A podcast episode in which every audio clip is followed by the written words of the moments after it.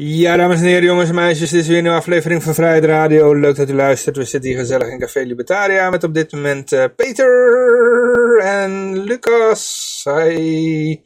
Misschien dat er nog andere mensen bij komen. Mijn naam is in ieder geval Johan. Dus ja. Nou ja, goed. Um, laten we gaan beginnen met de goud, zilver, bitcoins en de staatsschuldmeter. Ons vaste rubriekje. Uh, nou ja, we beginnen gewoon met uh, de staatsschuldmeter.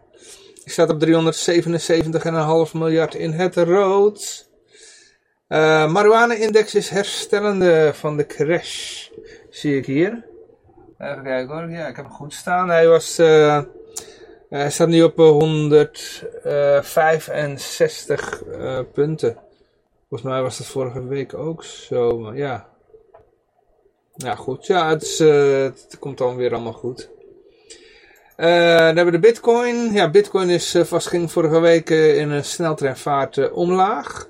En ja, hij staat nu weer op 32, ja, 32, bijna 33.000 eurotjes. Hij had een dipje gemaakt van, even kijken, wat stond hij? Zo'n 27.000 euro. Dan gaan we weer verder waar we waren. Um, ja, goud, zilver en olie. Goud was wel even boven de 1900 gegaan, maar nu uh, weer iets terug, 1898. Nou, het, uh, ja, het kruipt langzaam omhoog. Het gaat allemaal niet super snel met goud en zilver. Als je net van de bitcoin snel wegkomt, dan, uh, dan denk je van, is dit het nou? Moet ik hier nou euforisch van worden? Maar ja, het, het is natuurlijk vergeleken met een spaarrekening van 0%, is, is een klein beetje, een kwart procentje per dag, is toch weer een kwart procentje. Dus oh, uh, ja, nou, de, kijken naar de 2000 of die die kan, uh, of ze die, die kan nemen. 2000 dollar per ounce. Ja, ja. Olie is uh, 66,72, dus ja, dat is ook nog steeds ja, redelijk aan de prijs. Ondanks dat er minder gereisd wordt. Mm -hmm. Oké. Uh, ja, goed. Um, ja, dat was het dan, hè. Dus uh, dan gaan we even naar de, de, naar de nieuwsberichten toe. Nou ja, eerst een, berichtje over de, waar we het eerder over hadden, ik geloof een maand geleden of zo. toen was er bij Free Talk Live, dat is een libertarische podcast die al heel lang bestaat. Geloof ik de eerste die over bitcoin begon, tien jaar geleden. Um, er was een inval geweest en onder andere Ian Freeman, een van de, van de hosts uh, van dat programma, die was opgepakt. En het ging om dat ze uh, bitcoins verhandelden zonder een licentie. Oh ja. En dat was allemaal in uh, New Hampshire gebeurde dit. Dat is dan de Free State. En dan word je opgepakt state. als je bitcoins verhandelt zonder licentie. Ja. Hm. Ja, goed, het is uh, federale... is er nog niet helemaal. Het was de FBI, hè, dus de federale politie. Hm.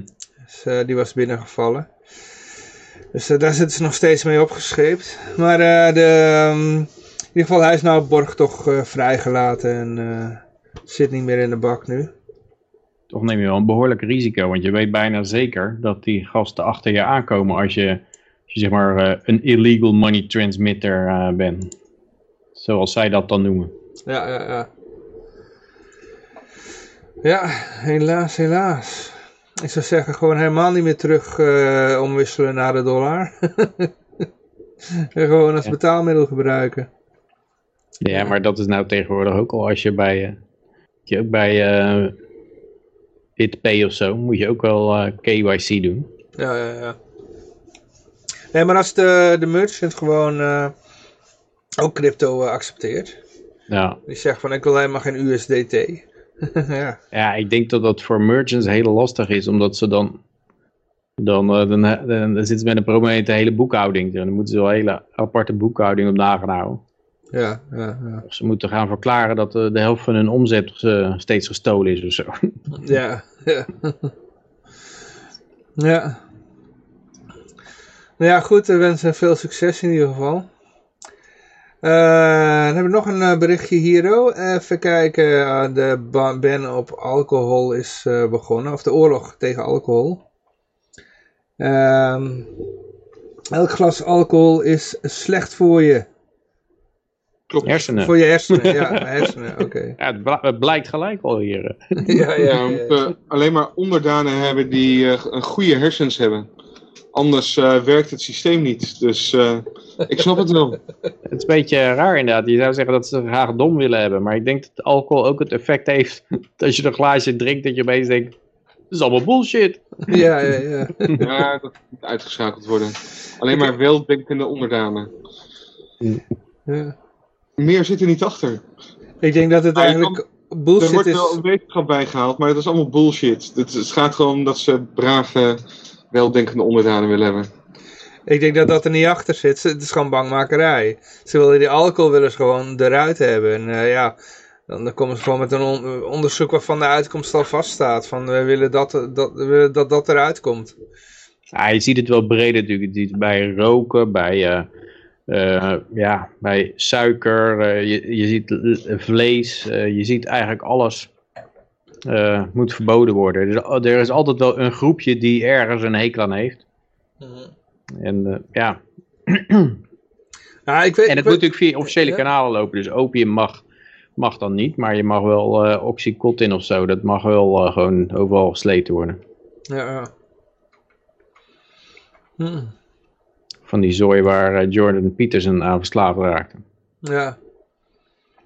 Nou, antidepressiva is geen pretje, nee. Dat, eh, ik heb het zelf gelukkig niet gebruikt hoor, maar eh, ik ken wel mensen in mijn omgeving. eh, Ja, en wat het probleem van dit soort onderzoeken altijd is vanuit wetenschappelijk oogpunt. Staat er uit de resultaten blijkt dat alcohol, al- alcoholgebruik effect heeft op de structuur van het brein. Het heeft invloed op de kwaliteit van de zogenoemde grijze stof in de hersenen. Die als functie heeft om informatie te verwerken. Oh, dat, dat is dus de grijze stof die informatie verwerkt. Dat hoe meer alcohol je per week drinkt, hoe kleiner het volume van die grijze stof wordt. Maar je kan natuurlijk ook zeggen dat dat mensen als ze hun brein achteruit voelen gaan, dat ze denken van, de, ik geloof dat ik een drank, eh, eh, ja, dat, dat ze gaan drinken dan bijvoorbeeld. Dus eh, ja, het is, een, het is een correlatie, dus het is, het, het zegt niks dat hoe meer, hoe meer je per week drinkt, hoe kleiner het volume van de grijze stof wordt. Je kan ook zeggen, hoe kleiner het volume van de grijze stof wordt, hoe meer mensen gaan drinken. Dus dan, Ja. dan zie je het drinken als functie van de hoeveelheid grijze stof. Ja, ja. Maar ja, sinds wanneer zijn ze zo bezorgd over ons, eh, over ons denken? Ik bedoel, eh, Ja, altijd. Ze Misschien dat je ze een eh, we- veiligheidsgordel draagt en een airbag hebt. En ze, ze- je auto wordt zelfs niet goedgekeurd als je knipperlicht niet oranje genoeg is. Ja. Ze doen altijd voorkomen alsof ze enorm bezorgd zijn over je gezondheid. En dan sturen ze naar Afghanistan toe. Misschien hebben ze ontdekt dat die grijze stof al die propaganda eh, opslaat. ja, ja. oh shit, die moeten we koesteren. Nou, een mooi artikel zei dat er staat. De grijze stof is, de zogenaamde grijze stof is nodig om propaganda te verwerken. Mensen papegaaien zonder die eh, grijze stof de propaganda niet meer zo goed na. ja, ze kunnen niet goed onthouden. Ze maken er een beetje een eigen verhaal van. Luister Nou. maar naar Vrijheid Radio. Die zitten daar altijd met een fles, met een drank daar. Ja, daar verbaas ik me altijd over dat, dat eh, ja, mijn vader die op een gegeven moment eh, dement werd, maar dat, dat die propaganda nog het langst blijft hangen. Oh, ja, Je weet niet meer waar je sleutels gelegd hebt of waar je, waar je telefoon ligt of eh, hoe de afstandsbediening werkt, maar je weet nog eh, wel dat, het, eh, dat de aarde warmer wordt of zo. Ja. Ja, nou ja, goed, ja, nou ja, het is maar een onderzoek. Maar ja, ik denk dat we in de toekomst gaan we meer van dit soort zooi zien. Hetzelfde als met het verhaal met het roken, weet je wel. Dat, zitten- als, je, als je 25 jaar geleden zou zeggen van, eh, ja, over een eh, kwart eeuw eh, zie je bijna niemand meer roken. En er mag niet gerookt worden in cafés. En ja, dan hadden ze je ook voor gek verklaard natuurlijk, hè. Ja, straks mag je alleen nog broccoli eten in cafés. zo. Ja. Maken ze liederen over broccoli? ja. I'm lost in broccoli im steen. Da, da, da, da.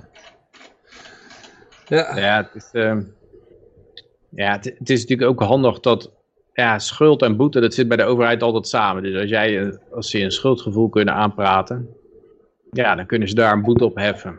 En het, het mooie is ook dat het verslavend is. Dus je kan het heel hoog belasten en mensen blijven het gewoon gebruiken.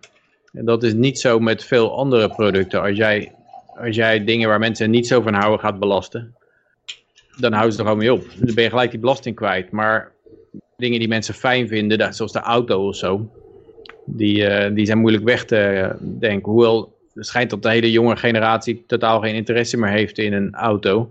Uh, om ergens naartoe te komen. Dus ja, het kan zijn dat die zelfs de auto laten liggen omdat die te veel belast wordt. En dan moeten ze maar naar wat anders op zoek. En waar geven die jongeren dan hun geld aan uit? Oh, drinken ze? Nou, dan gaan we dat belasten. Oh, stoppen ze met drinken? Of uh, met, met roken is dat het, al het geval geweest, denk ik. En dan gaan ze... Dan, dan krijg je drinken erachteraan. En dan, dan geven ze hun geld straks aan telefoons uit. En dan krijg je een, een, een, een, een, een internetbelasting of zo. Of een, een, omdat mensen te veel naar hun telefoon kijken en uh, te veel met hun telefoon bezig zijn. En dan, moet je, het is gewoon altijd waar je geld aan uitgeeft, dat gaan ze belasten. En schuldgevoel over aanpraten. Ja. Kan ook zijn, ja, vermoeden hoor, dat ze dan, ze, ze, weten dat er overal die legalisering van drugs eraan komt. Dan weten dat mensen daar naartoe gaan en dan kopen allemaal stiekem in het geniep allemaal licenties op, op, op THC en zo.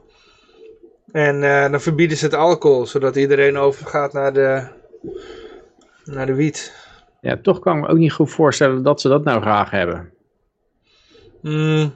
Wiet is ook zo'n druk waar je nou niet echt uh, propaganda van na gaat lopen praten. Ja, nou ja, zolang ze eraan kunnen verdienen. Ik weet niet, het is maar een gok hoor, ik zeg niet dat, dat het gebeurt. Ja, het, ik heb het idee dat ja, wiet zit wel in een, in een swing de andere kant op. Na, je, ze hadden dat uh, cartoon uh, ding dat je vroeger had je bij een uh, tabakswinkel. Er stond er iemand, hey heb je ook wiet? En dan vandaag de dag staat er iemand bij de wietshop. Hey van heb je ook, heb je ook tabak? Dus dat is, het is 180 graden gedraaid. Dat is wel een vreemd verschijnsel, ja. Ja, ja. Ja, en dat is vaker gebeurd natuurlijk. Hè? Ik bedoel, uh, met uh, alcohol is, is, is, in het verleden ook verboden geweest. Dus, uh, ja, ja de eerste keer. in de jaren, dat vond ik al dat, van, ze hebben in geloof ik 1922 de drooglegging. En toen hebben ze in 19... 33, weer 33 hebben ze dat weer vrijgegeven. En toen hebben ze gelijk mensen hun goud in beslag genomen. Oh ja. Dus ja. Dus ik heb het idee dat ze, ze gaan tien jaar lang misère over je uitstorten. Tenminste, toen deden ze dat, tien jaar lang misère. En dan om die grote depressie in te luiden, zeg maar. Als die grote depressie dan komt, dan pakken ze al je bezittingen af. En dan denk je van, nou ja, als ze, als ze daarmee nou maar wegblijven, als ze nou maar van mijn rug afgaan, dan... Ben, dan uh, dus je, het is gewoon mensen helemaal afmatten met allerlei, uh, er al hun plezier weg te nemen. En dan, als dan die grote depressie erin knalt, ja, dan vinden mensen die, denken van nou, uh, ja, uh, als ik, als ik mijn leven maar weer terugkrijg, dan kan ik wel niet meer op vakantie, ik kan niet betalen, maar ja, het is, dan zijn ik in ieder geval van die lui af. Ja, het is handig, staatsvijand zegt het is handig voor Biden, uh, dat je je propaganda nog kan onthouden met die dementie. ja, ja, dat gaat wel eens mis. Hè? Ik moest daar om lachen bij die, die Fauci, die zat ook, hij, hij had tegen Rand Paul al gezegd van, uh, van uh, het was belachelijk om te suggereren dat, uh, de, dat het virus uit een Wuhan lab kon komen. Dat was echt, en dat, wat zij gesponsord hadden. Hij begon eerst een heel verhaal hoe belachelijk dat wel, niet was. En, en ja, hij noemde dat unfortunate dat, dat Rand Paul dat zei. En toen zei hij daarna, ja, het was natuurlijk ook onverantwoordelijk geweest als we het niet gedaan hadden. Want al die ziektes die komen uit China. die SARS-CoV-1 komt ook uit China. Dus eigenlijk zei hij, nadat hij eerst, eerst vijf minuten had gezegd van ja, het belachelijk. Zei hij van ja, we hebben het wel gedaan, maar het zou onverantwoordelijk zijn om het niet te doen. Dus ja, hij kon, hij kon zich al lijkt wel niet meer vijf, vijf minuten geleden herinneren dat hij zei van uh, ja, het is belachelijk dat het nooit gebeurt. Als je dan daarna zegt van uh, ja, maar het was heel verantwoordelijk dat we dat deden. Ja, ik, ik heb het idee, zo, zo dom zijn de onderdanen toch nog niet, dat, dat ze dat niet aan elkaar kunnen knopen. Ja, ja. Nou, we gaan het zo meteen nog over Fauci hebben. onze, flip, onze flipflopper. Fauci-rubriek. Ja, ja, ja. um, ik heb trouwens uh, nog even de chat, uh, als je mee wil kijken in de chat, die heb ik in, in, de, in de chat van, van Facebook gegooid. De link okay. naar de chat. Ehm, even kijken, waar waren we ook alweer? Oh ja, ik heb hier van de PVV, hier komt dit. Een GroenLinks dame die vindt dat wij van het aardgas af moeten. omdat het, ja. ja, een gasfornuis zo moeilijk schoonmaken is. ja. ja, ongelooflijk. Wat dat soort, een domme gans. Het soort argumenten worden gewoon in de Tweede Kamer gebruikt. Want ja, we moeten gas verbieden. En hij zegt ook van ja, dan moet je dus 10.000 uh, investeren in, in uh, ja, vervanging voor dat uh, gasfornuis. En dan voert ze als argument aan, ja, gasfornuis is zo lastig schoon te maken. Mensen, kinderen. En, en ja, af en toe geloof ik wel eens inderdaad... ook niet even daarna... Hm? Ja? En je gelooft, eh, zou ik nou echt denken dat mensen zo dom zijn? Of zijn ze echt zo dom dat ze denken, ja, dat, ja, uh, ik moet gedwongen worden uh, eh, 10.000 te investeren om een gasfornuis af te komen. Want dat is zo lastig schoon te maken. Ja, en ook niet daarna even zeggen van, ja, dat is eigenlijk best wel een dom voorbeeld. Maar ook gewoon echt, gewoon zo weer teruglopen. Oh, dit was echt een top uh, stop. ja, ja, staat. En zou bijna zeggen, dat krijg je met vrouwen in de Tweede Kamer. Ik wacht straks Jesse ja. Klaver op voor. dit is echt wel extreme gans, zeg. Maar uh, het koken is ook nog totaal geen punt qua gasverbruik. Het gasverbruik zit gewoon in verwarming van huizen. En met name in de winter. En, en dat koken en douchen, dat, dat is ten opzichte van verwarming van huizen, is dat. Of tenminste, als je in de winter een huis verwarmt uh, dan heb je iets, tenminste hier thuis iets van 10 uh, eh, kubieke meter gas per dag. En in de zomer, als het gewoon lekker warm is, geen verwarming nodig hebt, dan zit je op 0,7 kub per dag of zo. er zit dan douchen bij je in en koken. Dus dat koken stelt helemaal geen reet voor je. Ze maakt er echt helemaal druk om niks. Die business case is alleen al voor het koken totaal niet rendabel. Maar het, is wel zo dat heel veel mensen uh, denken niet zoals wij denken. Die horen dit en die denken, van ja, potverdorie, dat heeft ze wel een punt hoor. Het is inderdaad, het is inderdaad kloot hoor, zo'n gasfornuis schoonmaken. Ja, en ik heb inderdaad, heb ik nou zo'n elektrisch ding. En inderdaad, joh Hans, het is wel heel erg makkelijk schoonmaken hè. Ja, ja, ja, ik, ik ga op haar stemmen. ja, er zit een bepaalde hoeveelheid confirmation bias in, hè. Dus inderdaad. Ja, ja. Dat, je hoort het tegendeel niet en dat hoor je natuurlijk nooit. En daarom vind ik het ook altijd aan te raden als je een bepaald standpunt hoort en je denkt van ja, het zou kunnen, klinkt wel logisch, om gewoon even te, te kijken van wat zegt de tegenstander daarvan? Wat zegt de andere kant ervan en wat zijn deze argumenten? En dan krijg je het vaak um, ja, wel een stuk scherper. Ja. Maar ja, ik denk dat een groot gedeelte van de bevolking niet zo is. dus, uh, nee. Die doet dat nee, niet. niet. Die horen gewoon, die lezen ook alleen maar de koppen van de Telegraaf en niet wat er in het bericht staat. Ja. Dus uh, ja, en die hebben al een mening, alleen maar omdat ze de kop hebben gelezen, weet je wel. De rest vullen ze zelf in. Ja, wat dat betreft is het ontzettend belangrijk dat je een, een framework hebt waar je het in kan plaatsen. Hè? Dat je weet van, uh, ja, uh, als er staat dit is gelinkt aan dat, dat je dan weet van oké, okay, dan moet ik uitkijken, want nou komt er een oorzaak-gevolgenrelatie tussen die twee zaken die helemaal niet aangetoond is, uh, waarvoor geen enkel onderzoek is uh, gedaan. Want meestal, ja, dat kan je alleen doen met een controlled random test. En ja, meestal zijn er geen controlled random tests gedaan. Het is gewoon van, uh, ja, er zijn twee dingen gelinkt aan elkaar. En die ene lijkt je invloed op te hebben, de hoeveelheid alcohol die je drinkt. En die andere lijkt je geen invloed op te hebben, hoe je hersenen zich ontwikkelen. Dus ja, dan... dan dan uh, bepaalt hetgene waar je invloed op denkt te hebben, bepaalt hetgene waar je geen invloed op hebt. En eigenlijk heb je zo meer invloed. Dat, eh, zo gaat het meestal. Van, uh, ja. En dat is eigenlijk, je kan bij een ander voorbeeld al gelijk zien hoe raar dat is. Er werd wel eens gezegd, uh, was het ook bij mijn vader op zijn werk, zei, ja, je kan de koers van het schip is gecorreleerd aan de stand van de pet van de kapitein. En dan heb je het idee van, oh, dat is makkelijk. Dan kan ik het hele olietanker kan ik draaien door de pet van de kapitein te draaien. Maar dat is natuurlijk niet zo. De kapitein die kijkt gewoon meestal in de richting waar het schip naartoe gaat.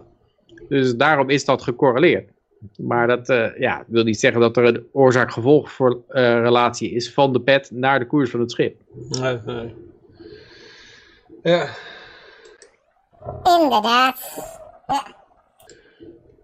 Um, nee, goed, ja, uh, even kijken. Um, Ja, nog meer klimaat, nou, tenminste, dat net vorige ging over gas. Uh, historische uitspraak in klimaatzaak. Uh, Shell moet CO2-uitstoot drastisch verminderen. En dan zie je een juichende vent erbij. Die helemaal uit zijn dak gaat. Ja, ja, want zijn wereld gaat daar een stuk beter eruit zien. Ja, ja.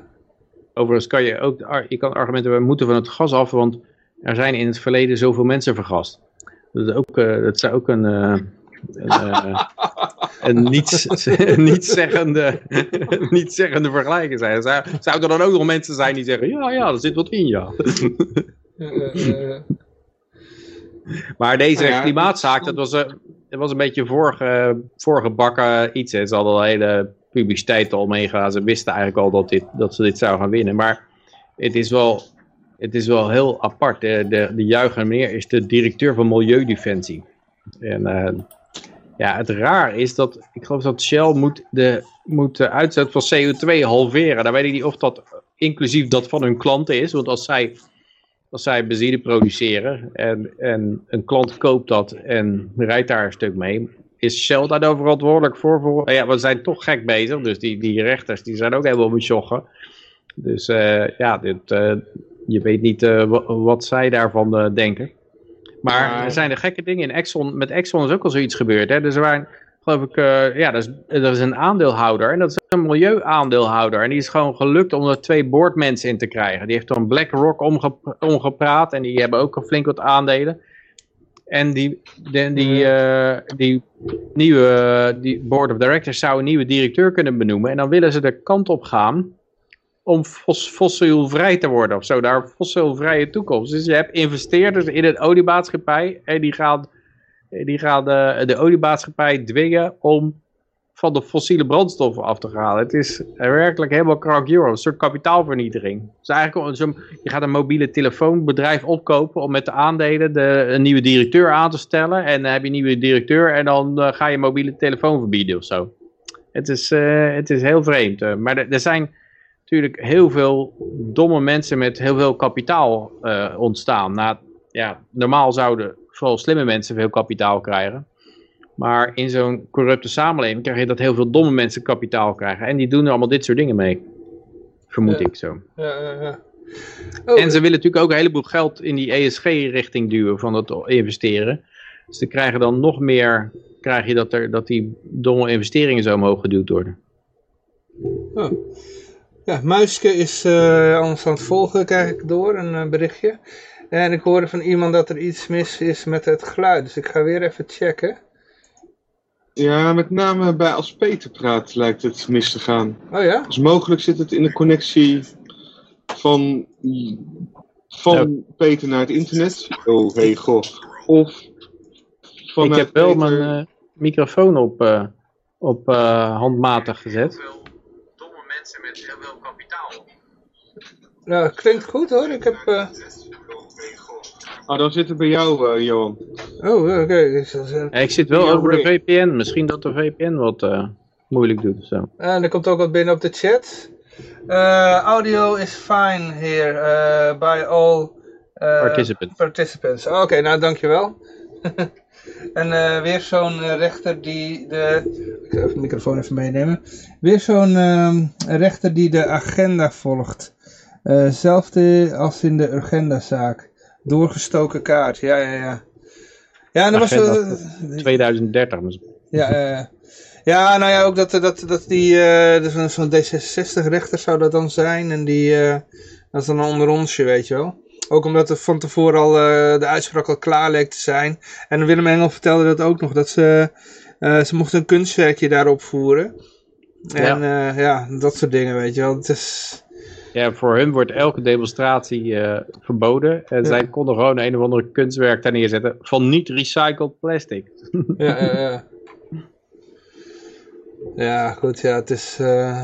De rechtbank oordeelt dat een bedrijf als Shell op basis van mensenrechten, dit is gewoon, uh, dat trekken we gewoon uit de lucht, mensenrechten, een eigenstandige verplichting heeft het zijne te doen om gevaarlijke klimaatverandering tegen te gaan, ongeacht of landen waarin het opereert daarna streven. Dus ook als je in een land zit die daar niet naar streven, dan, uh, dan moeten ze dat toch doen. Dus ik zou zeggen, opsplitsen die Shell dan. Dan uh, moet je uit die jurisdicties gaan waar, waar uh, ze controle over Shell hebben. Ja. Hm. De rechter maakt onderscheid tussen uitstoot die Shell zelf veroorzaakt en emissies die afkomstig zijn van toeleverancier en afnemers. Klanten die benzine, diesel en kerosine tanken. Voor de eigen uitstoot geldt een verplichting vermindering van 45%. Bij toeleveranciers van eindgebruikers heeft het concern een zwaarwegende inspanningsverplichting. Wat denk je dat ze hun kantoorverwarming of zo, die moeten ze dan uh, halveren. De, de, die, die Shell-medewerkers moeten allemaal in de kou zitten van de rechter. Want ja, veel veel fossiele brandstoffen gebruiken ze verder niet. Ja, in de raffinaderijen misschien ook nog wat. Ja, of je zet gewoon je panden leeg. Uh, bovendien moet u, moeten er toch nieuwe energielabels uh, op zitten vanaf 1 januari 2023. En je laat de mensen gewoon in het buitenland werken. En uh, ja, die panden die laat je gewoon leeg staan. En dan stoten ze daarmee geen CO2 uit. Dat ja, of, je, of je je koopt natuurlijk compensatie, dat kan je ook doen. Van een of andere, van, van, van uh, Elon Musk kan je, kan je af laten kopen. Hm. Of je kan misschien twee keer zoveel kantoorruimte huren. En dan heb je recht op twee keer zoveel CO2-uitstoot. Die je dan uh, helft leeg laat staan en, en dan weer de helft vermindert. Of je kan gewoon ja, zeggen van we hebben gewoon scheid aan die... Uh... Nee, laat ik het anders zeggen. Je pakt dat gewoon dat akkoord van Parijs en je, je verscheurt het zo, zeg maar. Probleem ja, maar bij het bedrijf is dat altijd ellende. Want het bedrijf, ja, daar kunnen ze binnenvallen. En, uh, ze kunnen, oh, je bedoelt bedrijf? Oké, oké. Ze kunnen zeggen, Shell kan zeggen, ja, we gaan maar naar Londen toe ook. Net zoals Unilever. Uh, ja, ja, ja. hoofdkantoor verplaatsen. Nee, ik bedoel dat de, de, de overheid uh, dat uh, pakt, uh, dat verdrag pakt en er ook door midden scheurt. Zijn van al het gezeikt af. Maar ja, die zullen dat nooit doen natuurlijk, hè. Ja. Het is ook niet eens een verdrag wat bindend is, hè, eigenlijk. Want dat, nee. het, is, ja, het is naar bindend omdat bepaalde rechters daar aan doen. Maar eigenlijk is, er, is het alleen maar, is, zit er geen, geen resultaatverplichting aan vast. Maar het wordt te pas en te onpas gebruikt. Ook die Chinezen die werkelijk geen zak geven om hun CO2-uitstoot. Die, uh, die dit verdrag allemaal hebben ondertekend met, met zinnetjes als wij zullen ons CO2 reduceren nadat het gepiekt heeft. die uh, die zeiden ook van ja, die bitcoin miners, daar moeten we mee stoppen. Want dat, uh, anders kunnen wij onze CO2 doelstelling niet halen. Dus ja, up. ook al trouwens een hele lap tekst in de... de... pas en te onpas halen we dat erbij. Bij de Uganda-zaak zei de rechter, de staat mag bevolking niet in levensgevaar brengen. Dus moet er duizend miljard worden uitgegeven aan bossen verbranden en windmolens bouwen. Anders stijgt de zeespiegel met 12 meter. Ja, ja het is ongelooflijk. Het is werkelijk geen enkel bewijs voor. En daarnaast hebben ze ook best wel allemaal boter op hun hoofd. En dan maken ze dan druk dan dat, dat bitcoin miners uh, misschien iets meer zouden aan, hoe heet het, aan elektriciteit zouden gebruiken dan alle, wat was het, de wasmachines wereldwijd? Oh nee, die, die hadden twee keer zoveel geloof ik hè. Maar in ieder geval, terwijl de, de grootste uh, verbruiker of uitstoter van CO2 is eigenlijk gewoon de militaire industrie wereldwijd. Ja. Alleen die van Amerika is al groter dan een aantal landen bij elkaar.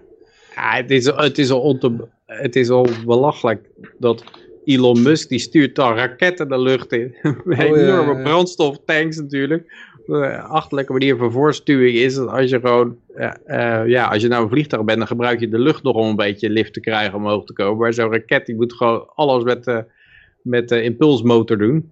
En tegelijkertijd zit hij elektrische auto's te bouwen, omdat hij zo om de planeet geeft. En, het maakt zich zorgen over bitcoin mining. Dus ja, je, je kan daar geen chocola mee ma van maken, behalve dan dat er heel veel mensen heel veel geld aan verdienen. En het rare is ook, de clubjes die hier allemaal achter zitten, achter die uh, groene agenda, dat zijn vaak uh, zijn die gesponsord vanuit de Rockefeller Foundation. En Rockefeller, dat was gewoon uh, een olie, een oliegast. Dus dan hebben ze eigenlijk het, het kapitaal dat een oliegast verzameld heeft door olie te produceren. Dat is in een stichting gaan zitten voor goede doelen. Daar hebben uiteindelijk mensen zich meester van gemaakt van die stichting. Die het nou gaan gebruiken om, om de, de beschaving uh, omver te gooien ongeveer. Ja. En trouwens dat milieu, dat is ook zoiets, net zoals als met roken, zeg maar, dat het nooit genoeg is. Ook niet als je in een café een aparte rookruimte hebt met afzuiging en weet ik veel wat. Het is ook nooit goed met die groene toestand, want het is al veel beter geworden, het milieu. Het, is allemaal, het water is allemaal veel zuiverder geworden. En, en ze doen, blijven altijd nog voordoen alsof het, uh, alsof het water ons aan de lippen staat qua milieuvervuiling. Of de planeet bijna, of zoals Greta Thunberg zegt, whole ecosystems are collapsing. Oh, ik had een knopje voor de... Ik denk, ik had het overal even tevoorschijn. En er is ook allemaal geen enkele wetenschap bij. Hè. Het is ook allemaal gewoon voor, ja, uh, we gaan onder water lopen. Als je, daar is helemaal niks uit terug te leiden als je gewoon kijkt naar de, de, de zelfs de getallen die de IPCC geeft. Dat, dat is nog maar een heel klein beetje zeespiegelstijgingen. En er is ook niks anders dan de historische trend waar te nemen van van opwarming. En die zeespiegelstijging, dat heb ik ook, dus Tony Heller is een Facebooker, maar die, of uh, hoe heet het, YouTuber. Ik denk dat hij wel binnenkort helemaal afgegooid wordt, maar die heeft ook mooie filmpjes met heel veel data erin over, over ja, je kan wel zeggen dat de zeespiegel omhoog gaat hier, maar daar gaat hij omlaag. Dus het kan nooit, als het dezelfde zee is, dat hij op het ene punt omhoog gaat en het andere punt omlaag. En dat komt... Is dat niet gewoon eb en vloed? Of, uh... Nee, nee, nee. Okay. Dat zo, zo erg zijn ze het ook weer niet. okay. Maar het punt is een beetje dat, uh, dat sommige land omhoog gaat. Uh, bijvoorbeeld bij Finland gaat het land omhoog, omdat, het, omdat die ijstijd nog steeds, uh, het wegtrekken van het ijs daar, gaat het land omhoog. Dus wordt de zeespiegel daar lager. En datzelfde heb je bij Louisiana, daar komt het land ook omhoog. Dus daar, daar gaat de zeespiegel ook omlaag. Dus je ziet sommige plaatsen gaat de zeespiegel wel omhoog, maar op andere gaat het weer omlaag. Dus je moet het effect van het land wel meenemen. Oké. Okay. Ja. Hm. Ja, goed. Ja, nou ja, ik heb um, een volgend berichtje dan. Uh, politiechef uh, Lange Dijken. Uh, oh, oh, jezus, ik ben echt dyslexisch. Politiechef landelijke... Gedronken, ja, nee, nee, ik ben ook dyslectisch. Politiechef... politiechef landelijke eenheid verdacht van witwassen. Ja. Ja, het is nou toch, ja, ook daar werken mensen die uh, slim zijn, dus... Uh, ja. Misschien was het de libertarische politiechef. ja.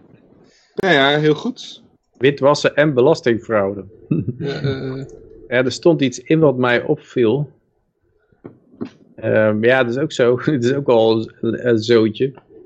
er was dan de landelijke eenheid van de politie heeft het zwaar te verduren. Vorige maand maakte de politie-infiltrant van de dienst een einde aan zijn leven.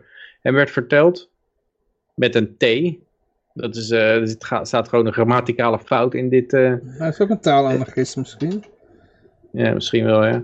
Uh, en werd verteld door te moeten werken onder dekmantel, terwijl hij dat niet meer wilde, omdat hij te dicht op zijn subjecten raakte. De vrouw van de man die hij in de gaten hield, maakte avances. Die, die, die, die relatie is ook helemaal stuk nou gelijk. Staat ook gewoon in de krant. Wat, heb jij avances gemaakt naar die informant? terwijl criminelen hem te veel als lid van de bende gingen beschouwen. In 2019 maakte een digitaal expert een einde aan zijn leven, omdat hij werd gepost, uh, gepest op zijn afdeling. Begin deze maand vond een vechtpartij plaats tussen twee politiemannen op het politiehoofdkwartier Driebergen. Ja, het, is, uh, het, is, uh, het, klinkt als een gezellige werkomgeving dit. Ten slotte wordt ook de dood van een informant van de landelijke eenheid onder de loep genomen. Ja, lekker beter allemaal. Maar er wordt altijd gezegd een bende met criminelen. Hè? Dus dan weet je eigenlijk nog niks als libertariër. Uh, dat kunnen gewoon mensen zijn die rauwe melk verkochten of zo. Ja, of, uh, ja, of die, uh, die kefir aanprijsden dat het goed was voor je gezondheid of zo. Of die een ivermectin handelde. Dat kan allemaal gewoon. en, en dat vermoed ik zelfs dat dat het geval is. Ik denk niet dat dat huurmoordenaars waren of zo. Nee. Of die gewoon een, op een legale manier probeerden mensen te helpen met te adviseren met uh, belastingontwijking. ja, inderdaad, ja. ja. Of die gewoon uh, niet eens waren met de... Uh, die hoorden net als Willem Engel, weet je wel, die niet eens die ja, kritische geluiden laten horen. Want die werd gemonitord door de terroristendienst, was dat, vertelde hij? Ja, de N N NTC nog wat of zo, de nationale... Ja, dat is een, een of andere dienst die kennelijk de macht heeft om naar een bank te gaan en zeggen, ja, uh, zijn rekening sluiten en uh, naar de sociale media, ja, is een terrorist. Het is een beetje wat ze bij Twan Manders deden, zeggen, ja, hij is lid van een criminele organisatie. Dat is om de manier om de medewerking van buitenlandse politie te krijgen. Dus, oh ja, nou, als het een terroristische organisatieleider is, dan, uh, of nee, een criminele organisatie, sorry. Uh -huh. Dan, dan, ja, dan mogen we wel meehelpen. Terwijl als ze gewoon zouden zeggen, ja, ja hij, uh, hij heeft een uh, advieskantoor dan, uh, en we komen hem arresteren, dan zouden ze in Cyprus zeggen van ja, zout jij maar even op. Ja. Of iemand die gewoon met drugshandel bezig is, weet je wel. En terwijl ja, drugsgebruik bij de agenten hartstikke hoog is. hm. Ja. Zo. Nou, wel als je ze uit zo'n busje ziet snuiven, die zijn volgens mij helemaal kookt. Als ze dan nu beginnen gelijk allemaal mensen in elkaar te mappen. Ja. Ik dat, uh, ja, die zijn het wel even helemaal kwijt. Hm. Die Romeo's. Ja. Ja, goed, ja. Nou ja. Verder hebben we niks over te zeggen. Dus, um, dan gaan we naar België toe. Ze hebben een eigen Rembo. vier landen zijn bezig om in vier landen... Naar, vijf landen zijn bezig... Ja, dat zeg ik ook niet goed. Landen doen niks. Maar uh, de legereenheden van vijf landen zijn actief in vier landen. en wat heeft die man gedaan? Hij heeft feitelijk geen misdaad begaan. Hij heeft niemand vermoord of zo. Hij zou alleen in een brief hebben gezegd uh, dat hij iemand wat wilde aandoen. Dat is nog wat te betwijfelen, weet je wel. En het, het, verhaal is ook niet logisch. Hè? Ik heb hier, hier iemand heeft een heel goede analyse gemaakt van wie hij is. En uh, de achtergrond en alles. En dan lees je ook zijn cv dat hij een expert was in het... Uh, om achter vijandelijke linies be bezig te zijn. In feite gewoon de vijand voor de gek te houden. En dan gaat hij dus op een missie naar... Ja, zou hij zogenaamd dan iemand om willen leggen. Dat gaat dan om Mark van Ranst. Uh, en dan kondigt hij dat van tevoren aan. Ik bedoel, als je weet dat dat iemand is die gewoon geleerd is van hoe je de ander voor de gek houdt. Dan weet je gewoon dat Mark van Rans gewoon rustig in zijn thuis kan blijven zitten. Als je die Mark van Rans een videopresentatie ziet, kan je het wel enigszins voorstellen. Ja, ja, ja, tuurlijk. Hij is ook in België best wel gehaald hoor. ja. Maar wat ook vreemd is, dat die Mark van Rans, het, het lijkt wel een publiciteitsstunt voor die van Rans. Ja, want die ja, zit ja. gewoon vanuit zijn huis, zit hij gewoon iedereen te haat Twitter ongeveer. Ja, vanuit zijn safe house dan. Hè? Ja. ja. misschien zit hij gewoon thuis hoor, dat kan ook. Hm. Ja, maar ja, dat... Uh, hij had geloof ik vier raketwerpers meegenomen. Dus dat, dat vond ik ook wel mooi. En die, die hebben ze gevonden, hè? Die hebben ze gewoon al hebben gevonden. Ze al gevonden? Ja, ja, ja. Okay. Die heeft er gewoon achtergelaten. Het is ook moeilijk om mee te sjouwen. Dus geen gedoe. Ja, vier raketwerpers mee sjouwen. Dat is ja, op je rug. -hmm. Maar uh, uh, wat ik ook wel mooi vind. dan, maar hij had ook machinegeweren en een pistool en allerlei wapens en zo. En dan, uh, dan zie je de politie die aan die klopjacht bezig is. Die heeft dan een mondkapje op. Dan wordt ze geïnterviewd met een mondkapje op. Ja, dat, want hij is wel heel bang voor het killer virus, hè, waar je 99,7% overlevingskans voor hebt. Maar hij zit wel achter iemand aan met een machinegeweer en zo, en, uh, en pistolen en zo. Maar ja, wel een mondkapje, hè. safety first, safety first. Ja, is een beetje, is hij bang aangelegd of niet, vraag ik me dan af. Ja. Ja, ik weet het niet. Het zou, zou een vals vlek, vlek over operatie zijn, uh, kunnen zijn. Misschien hebben ze die gasten lang omgelegd of zo, of... Uh, Hm. Misschien doet hij het expres of zo. Ik weet niet, ik weet niet wat erachter zit. Dus we speculeren nu alleen maar. maar ja, is, er zit er uh, een luchtje aan. Maar het, het, is natuurlijk een heerlijke reden voor ze om, uh, om gewoon een hele militaire lockdown neer te leggen. En overal militairen in de straat. Dan kan je vast een beetje wennen aan uh, militairen die door, de, ja, door je straat Europese paraderen. leger, hè? Europese leger, we moeten er alvast ja. aan wennen. Maar wat de fuck Amerika hier nou te zoeken heeft in dit hele conflict. zoekactie is het eigenlijk. Ja, de, als je niet meedoet, dan gooi je ze waarschijnlijk uit het SWIFT-systeem of zo. Dan, ja. Nee, maar Amerika ja, doet ook mee, een leuke... Ja, ja, maar als ja, je, als je ze weigert, die Amerikanen, dan gooi je ze uit het SWIFT-systeem. Oh, dat bedoel, ja, dat bedoel je, ja, ja, ja. Ja, maar ze zitten gewoon vlak over de grens in Duitsland. Dus dat uh, lijkt allemaal heel ver weg, maar het is gewoon dichtbij. En het is natuurlijk gewoon een leuke oefening voor uh, die mannetjes. Kunnen ze even weer uh, lekker eruit. Dus, ja, ja, en straks gaan ze denk ik naar zo'n boshutje toe, ergens. In de Ardennen. En dan gaan ze omheen staan met uh, 25 tanks en, en raketwerpers. en dan krijg je zo'n soort scène als in in uh, Cops, die Zweedse film, uh, waar de politie zichzelf probeert relevant te maken omdat ze bijna weggesaneerd worden. enorme, oh, ja, schiet, ja, ja. enorme schietpartijen. dat zou wel kunnen, ja. Maar tot op heden nog geen sporen van hem. Nee, maar hij weet in ieder geval dat hij in vakantie is, want dat kan niet. Ja, misschien, is hij, misschien is hij gewoon op vakantie gegaan en nu weet hij helemaal van niks, weet je wel. Ja, komt hij terug. komt hij terug uit die Ibiza. Uh, wat is er? Is er nog wat gebeurd, schat? ik had geen internet. Hij wilde, hij wilde natuurlijk zonder zijn vriendin op vakantie. rust aan mijn hoofd. Weet je wat? Tegen mijn vriendin zeg ik gewoon dat ik, uh, dat ik die van Rans zijn nek om ga draaien. Ja, goed. Nou ja, even kijken. Um, ja, het is, uh... deze gast heeft, uh, die ja? konings heeft missies volbracht in Bosnië, Kosovo, Irak, Libanon, Afghanistan. Hij is wapeninstructeur, had toegang tot de wapenkamers in Leopoldsbrug. Dus het is, uh, ja, het is ook iemand die, die wel wat meegemaakt heeft, denk ik. Ja, ja hij had een indrukwekkende cv hoor. Dus, als het echt me tegen hem op moeten nemen, ja, dan snap ik ook wel waarom 400 man tegen één is.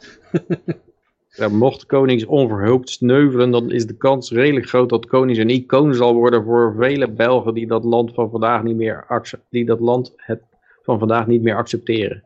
Verdere escalatie ligt dan op de loer. Dus weer zo'n kromme zin. Uh...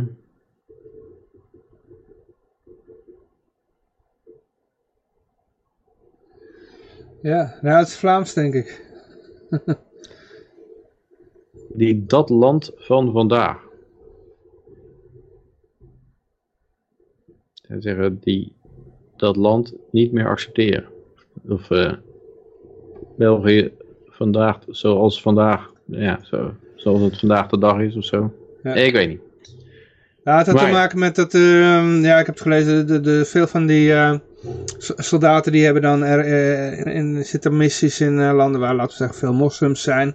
En dan komen ze terug uit Afghanistan naar uh, België. En dan ja, zien ze Molenbeek, dat vol met moslims is. En dan, ja, ze herkennen het land dan niet meer terug. Dat, dat bedoelden ze. Denk ik. Oh ja, ja, nou, dat, ik dacht eigenlijk niet omdat hij in oorlogsgebieden gezat, gezeten had dat hij zijn eigen land niet meer terug herkende. Maar meer dat hij na die corona-lockdown dacht van waar ben ik nou in beland? Wat zijn dit voor maloten? ja. Trouwens, staatsvijand die zegt van, uh, voordat, we, okay, voor, voordat we op vakantie gaan, voort dan allemaal een uh, afscheidsbrief schrijven. dan kunnen we het hele systeem ja. uh, ik ja, dat, dit moet ze een even beeld gaan krijgen voor die andere Nederlander. Wat was het, die, hoe heet die ook weer? Mm. Die, ja, niet Ab, Ooster, Ab Oosterhuis. Die, dat is eigenlijk de, de, dit is eigenlijk de Vlaamse versie van Ab Oosterhuis, toch? Ja, ja, ja, ja. ja. De, ze hebben een vaccinzwendelaar. Mm, mm -mm. Ja. Ja, dit soort uh, karma komt altijd terug naar je, denk ik. Bekend van uh, zinnetjes als playing the complete naive guy. ja, ja, ja. Works best. Het is ook een stasher, hè? Dus hij, uh, hij is stashing. dus het is... Ik weet niet of de Satoshi's aan het stashen is, of... ik denk aandelen. ja. Nee, maar als je het artikel leest, dan komt ook een hele aparte vorm van uh, posttraumatische stress uh, voor, waar hij dan aan zou lijden. En dat is wat je, wat je net voorlas, van dat ze dan terugkomen uit de missie, en dat ze hun eigen land niet meer herkennen. Dat zou dan ook een vorm van posttraumatische stress kunnen zijn. Hm. Dat zegt dan zo'n uh, zo'n psycholoog. Maar dat zou dan niet te maken hebben met die, die viroloog. Onze, onze viroloog Zwendelaar. Nou ja, kijk, die mensen die, eh, die, die zijn wel in de militaire dienst ingegaan omdat ze voor hun land willen vechten. Ja, dat is natuurlijk de stomste reden, maar goed. Uh, in het buitenland. Dus veel mensen doen dat. En uh, ja, dan, dan, dan, ze, ze, geven hun leven voor België als het ware. En dan komen ze terug en dan zien ze dat die politici het hele land kapot maken door allemaal, ja, dit, dit is dan hun mening, hè, om allemaal vluchtelingen binnen te laten. En dat ze het land Uit Bosnië, Afghanistan, Irak en al die landen waar ze allemaal zijn ja, gevechten. Precies, en dat ze hun land ook verkopen aan de, aan de VN en aan de WHO en aan de, weet je wel, iedereen die maar geld biedt. En daar de is normale die- reactie is, eh, daarop is in een depressie raken, gaan drinken, gaan eh, drugs gebruiken tot je kastje wijlen kan bent. je toch? doen. Of je kan ervoor gaan vechten. Wat, wat je dan geleerd is, wat je beroep is. En eh, ja, je ziet Mark van Rans als een verpersoonlijking van wat er mis is, weet je wel, met de establishment. Ja. Dus,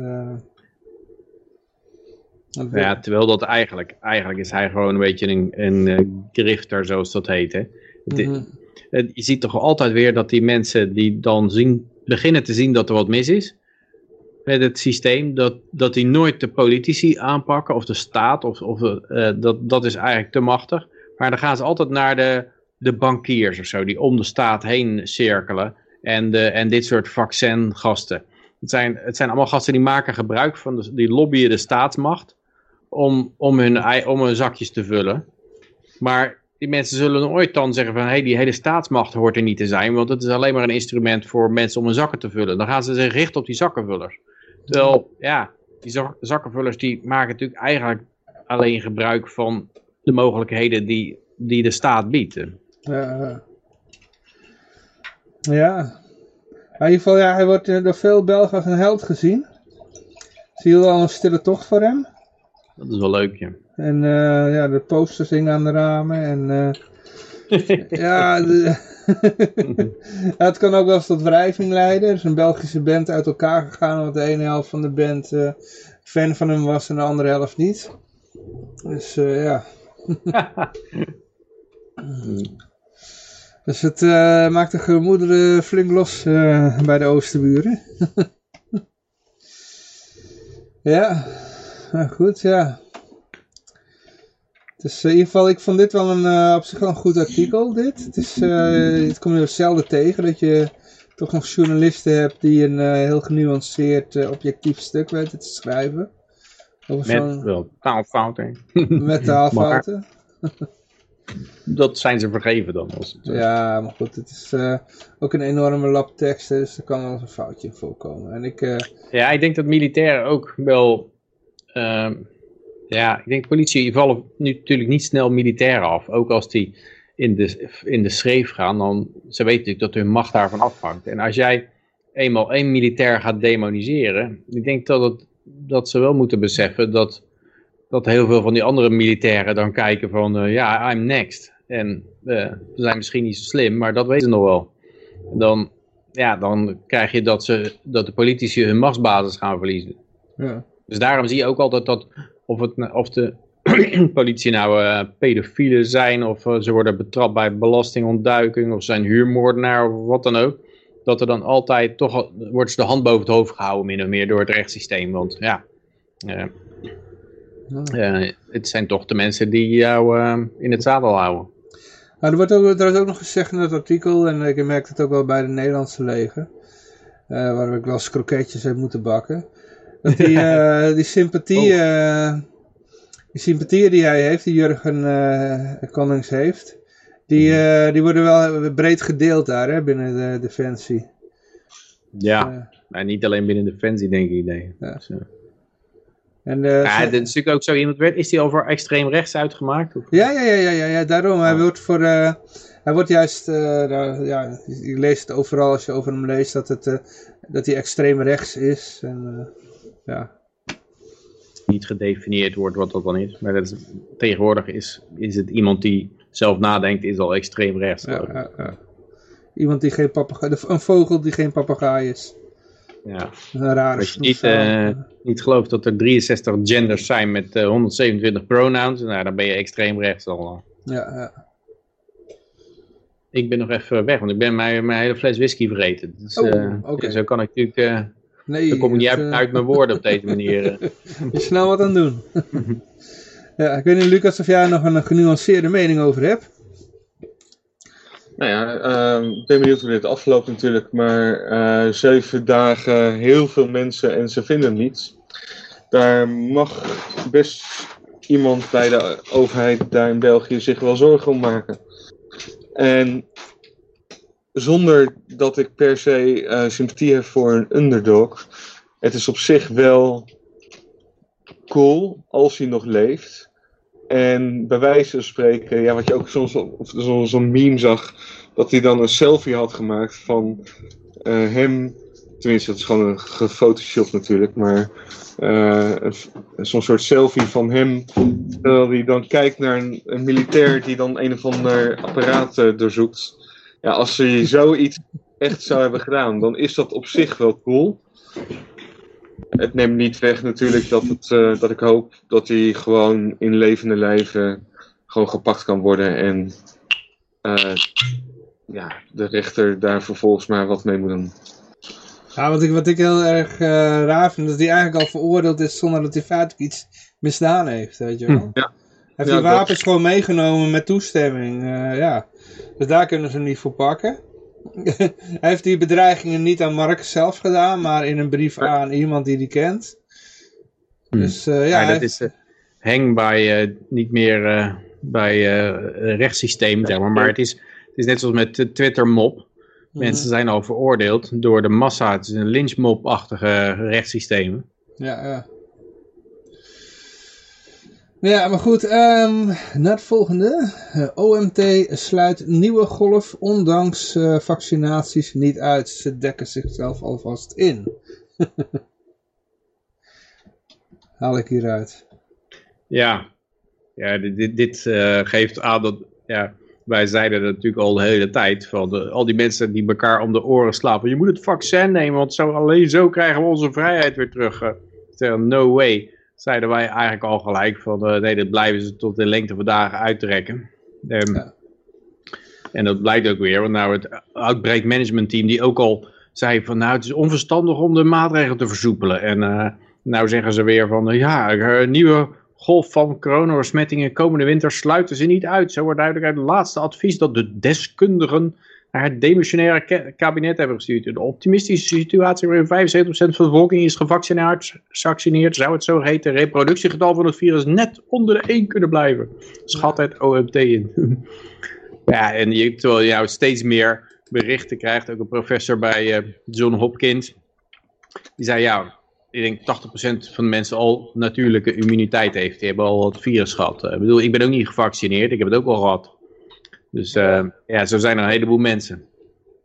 Dus uh, ja, dit, die lui die zitten, die deskundigen, dat, die zitten gewoon helemaal in een, uh, in een hele rare bubbel. En die heeft niks met de realiteit te maken. Nee, nee. Ja, maar ik denk ook, er zit wat anders achter. Hè? Ik bedoel, de...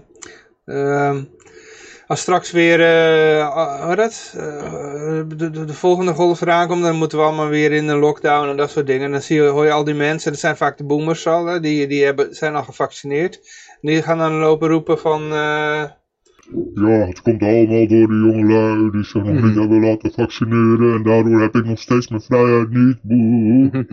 Weet je wel? Ja, ik denk dus, dat het hele idee om die boomers zo snel te vaccineren is dat die boomers, die moeten het eerst dood, want die gaan allemaal met pensioen nou.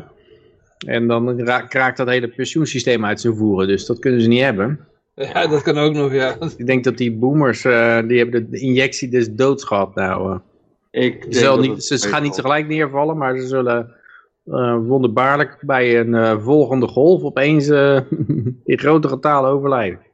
Ik denk ja. dat het op zich relatief wel meevalt. Ik ken de meeste mensen die, die, die, in, in, of die dat vaccin hebben gehad, die leven nog. Uh, er zijn wel, ja. wel mensen ook die gevolgen uh, daarvan hebben gehad, die niet altijd even leuk zijn geweest. Maar als het dan uh, een soort van uitroeipoging is, dan is dat eentje die zo klein is dat het eigenlijk gewoon, en net zoals een hele goed voorbereide moord op je vrouw of zoiets. ja, maar arsenicum. AstraZeneca. Ja. AstraZeneca. Arsenicum, ja, Niemand heeft het, uh, gemerkt dat het vermoord is, maar het was er wel één. En ja, als, oh, als mensen dan nog steeds tevreden onderdaan zijn, dan is dat wel leuk voor de heerser natuurlijk. Ja, maar dat is natuurlijk de bedoeling. Het moet niet zo blijken van, uh, ja, je neemt het vaccin en, en ze vallen allemaal twee weken na dood neer. Nee, het is, de, het is het idee dat ze nou een verandering in het immuunsysteem krijgen en dat er dan bij de volgende, dat, uh, hoe noemen ze dat ook weer, uh, antibody enhancement. Dus dan jouw, jouw uh, antibodies zijn nou helemaal gericht op een variant die er niet meer is. Want dat vaccin is gemaakt voor een variant die inmiddels helemaal verdwenen is. Als je dan weer met het wildvirus in aanraking komt, dan slaat je immuunsysteem helemaal op hol. Maar je hebt eigenlijk geen immuniteit. Dus ik denk dat, dat, dat het, de ellende pas gaat komen bij een, ja, na, na verloop van tijd. En dat is natuurlijk precies wat je zou willen als je zo snoodplan zou bedenken. Want je kan daarna gewoon de schuld geven aan de volgende golf. Hè? Als mensen daarna allemaal doodgaan, dan kan je gewoon zeggen, ja, dat was een nieuwe golf. Ja, en de mensen die zich nu niet hebben ingeënt, die kun je dan de schuld geven. Uh, staatsvijand die zegt nog, uh, vliegtuigmaatschappijen willen liever uh, niet gevaccineerden laten vliegen vanwege het gevaar op um, uh, ja, bloed... bloedklonters en hartaanvallen ja, kunnen triggeren. Maar uh, hij zegt, uh, willen liever niet gevaccineerden, maar hij willen liever niet gevaccineerd laten vliegen. Maar dat was een gerucht volgens mij. Ik hoorde dat ook. Dat, ja, ze zijn daar be bezorgd over dat jij op grote hoogte allemaal bloedklonters krijgt en hartaanvallen. Dus ja, dan zouden de gevaccineerden opeens in het nadeel zijn en, en niet meer mogen vliegen. Oh. Dus, uh, maar ik, ja, ik moet dit nog zien gebeuren. Ik denk niet dat ze, ja, dat ze het graag zo zouden spelen. Ze kunnen de realiteit, de percepties toch zo buigen als ze het hebben willen. Uh. Maar ik denk dat ze het heel hoog willen hebben, het percentage vaccineren. Zodat je eigenlijk niet meer kan zien later uh, wat voor aandoeningen er wel zijn. Want als iedereen over zoveel jaar iets krijgt, dan is het nooit meer te herleiden naar dit vaccin. Zeker niet als er daarna nog vier boosters geweest zijn en zes renewals en en, en iedereen dat genomen heeft, dan ja. ja. ik weet, mijn, mijn theorie erover is, uh, ik zeg er even bij dat het helemaal een theorie is hoor. Niet dat het Voor mij overigens ook maar hoor. Maar, ja. Uh, ja. Ah, dat, uh, dat, want ik, ik, dat lijkt mij veel logischer. Van, kijk, die, die, die farmaceutische bedrijven die hebben gewoon de media en de politie in hun zak zitten. Dat is al duidelijk. Maar uh, die willen eigenlijk, wat enige wat ze willen is gewoon meer winst. Voor, en, en, dus ze willen die markt gewoon steeds zo groot mogelijk maken. Dus uh, ja, de, ook iedereen, de baby's en, en de huisdieren en de, straks de foetus, alles moet een spuitje hebben. Weet je mhm. wel. En, en daarna een tweede en een derde en een vierde en een vijfde. Want ja, dan gaan, gaat de winst gewoon steeds omhoog. En, en ze hebben er geen baat bij dat die mensen doodgaan. Ik denk eerder dat ze er baat bij hebben dat die mensen allerlei... Um, ja, maar jij denkt altijd... Extra kwaaltjes erbij krijgen. Jij denkt altijd dat het om geld gaat. Dan kom ik altijd ja. bij mijn standaard voorbeeld. Ja, Hitler vermoorde de Joden ook. Ondanks dat hij ze had kunnen ja, uitbuiten oh, voor lange tijd. We de en, ja, maar, Hitler is, is, geen Maar dat is ook bedrijf, met Stalin en Mao en al die lui. Er zijn natuurlijk 260 miljoen mensen vermoord door overheden. Die ze, en die overheden hadden er veel meer geld uit kunnen trekken als ze dat niet hadden gedaan. Maar dat deden ze niet, omdat dat het zijn echt gestoorde geesten, die mensen. Het zijn niet mensen die gewoon hun zakken zitten te vullen. Er ja, zitten, gewoon, er zitten wat zakkenvullers omheen. Er zit, dat, dat is het. Het zijn psychopaten met wat zakkenvullers eromheen. Ja, maar een, een, de overheid is geen, geen bedrijf. Kijk, de farmaceuten is een bedrijf met aandeelhouders. En de overheid niet. Het maakt geen bal uit, eh, denk ik. Eh, maar ja, ja ik, weet niet dat daar wel een niet waar je naartoe wil, maar... Eh, nou, kijk, een farmaceutische bedrijf, die wil gewoon winst maken. Dus die wil gewoon, niet dat die mensen doodgaan. Die willen gewoon zorgen dat ze net genoeg in leven blijven. Zodat ze nog meer meuk kunnen verslijten aan ze. Dus dat ze hoge ziektes uh, krijgen die te behandelen zijn met andere pillen. En spuitjes en noem maar op. Ja, en toch denk ik dat in dit soort gevallen... Uh, als de overheid denkt van, oh jee, er is een, uh, er is een levensbedreigende overvolking klimaatverandering, uh, pensioenprobleem, mm. financiële systeem. Dan is het belang van de overheid om een hele hoop mensen te vermoorden is groter dan het belang van het farmaceut om winst te maken. Ja, ik weet ik En zij kunnen uh, altijd wel iemand vinden die dat... Uh... Ik denk die klimaatdoelen is ook alleen maar bedacht om meer windmolens en subsidie en dat soort dingen...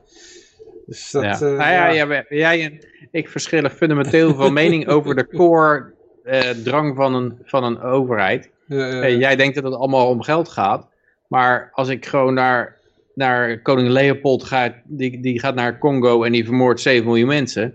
Dat, dat was niet om er nou zoveel poenen over te houden. Zo, hij had nee, genoeg nee, maar hij was ook geen bedrijf, hè? hij was een koning. Ja, maar ja, er waren allemaal mensen bij die, die, uh, die dat deden. Soldaten die eigenlijk hun eigen bedrijfje runden. Die deden ook allemaal die, die deden wat, opdrachten uitvoeren voor geld. Ja, maar dat En- was en- wat er daar gebeurde, was ook wat je noemt een tragedy of the commons. hè, Zo'n typische tragedy of the commons. Want ja, het was eigenlijk van niemand en eigenlijk dus van de staat. En dan krijg je hetzelfde verhaal met die boeren die dan eh, alle akkers eh leegvreten. Omdat ja, het is toch allemaal van iedereen. En dat probleem wordt dan opgelost door eh, iedereen eigendom te geven. En dat zag je In de- dus, daar ging mis in de Congo. In de, ging dat mis in de Congo? Ja, dat, dat, is, dat is gewoon eh, hetzelfde als eh, die, dat kaalvreten eh, bij Tragedy of the Commons, weet je wel? Maar Dus gaan alles zoveel mogelijk Oep, en, die, en die ging daar gewoon eh, mensen de handen afhakken en zo. En, Ja, ja, Dat die soort ging, op een hele ruwe manier ging die gewoon alles eruit proberen te krijgen wat hij eruit krijgen kon aan, aan eh, hoe noem je dat? Natural resources. Nee, maar als je, als je het maximaal wil, zou willen uitbuiten, had je ook die mensen in leven moeten laten. Ja, wij dachten, we hebben er toch heel veel van. en het was een dreigmiddel hè, om die mensen harder te laten werken, toch? Ja, ik, ik denk het ook niet. Kijk, die, die, ik bedoel, wat er in Pol Pot, ge, eh, in Cambodja gebeurd is, en zo, de killing fields, waar iedereen die intellectueel was, eh, dus een brilletje op had of zo, die werd gelijk afgemaakt. Ja. Eh, in, in de culturele revolutie ook dat soort dingen. Eh, er, zit, er zit iets van machtswellust in, van slimme mensen die zijn een bedreiging, want die, zien, die doorzien mij. Dus die moeten allemaal dood, want dan ben ik de machthebber over al die dommeren. En Mhm. ik denk dat, dat eh, ja, bij overheden speelt dit ook een rol. Van ja, voorheen was het, was het AOW-systeem iets waar je geld uithaalde.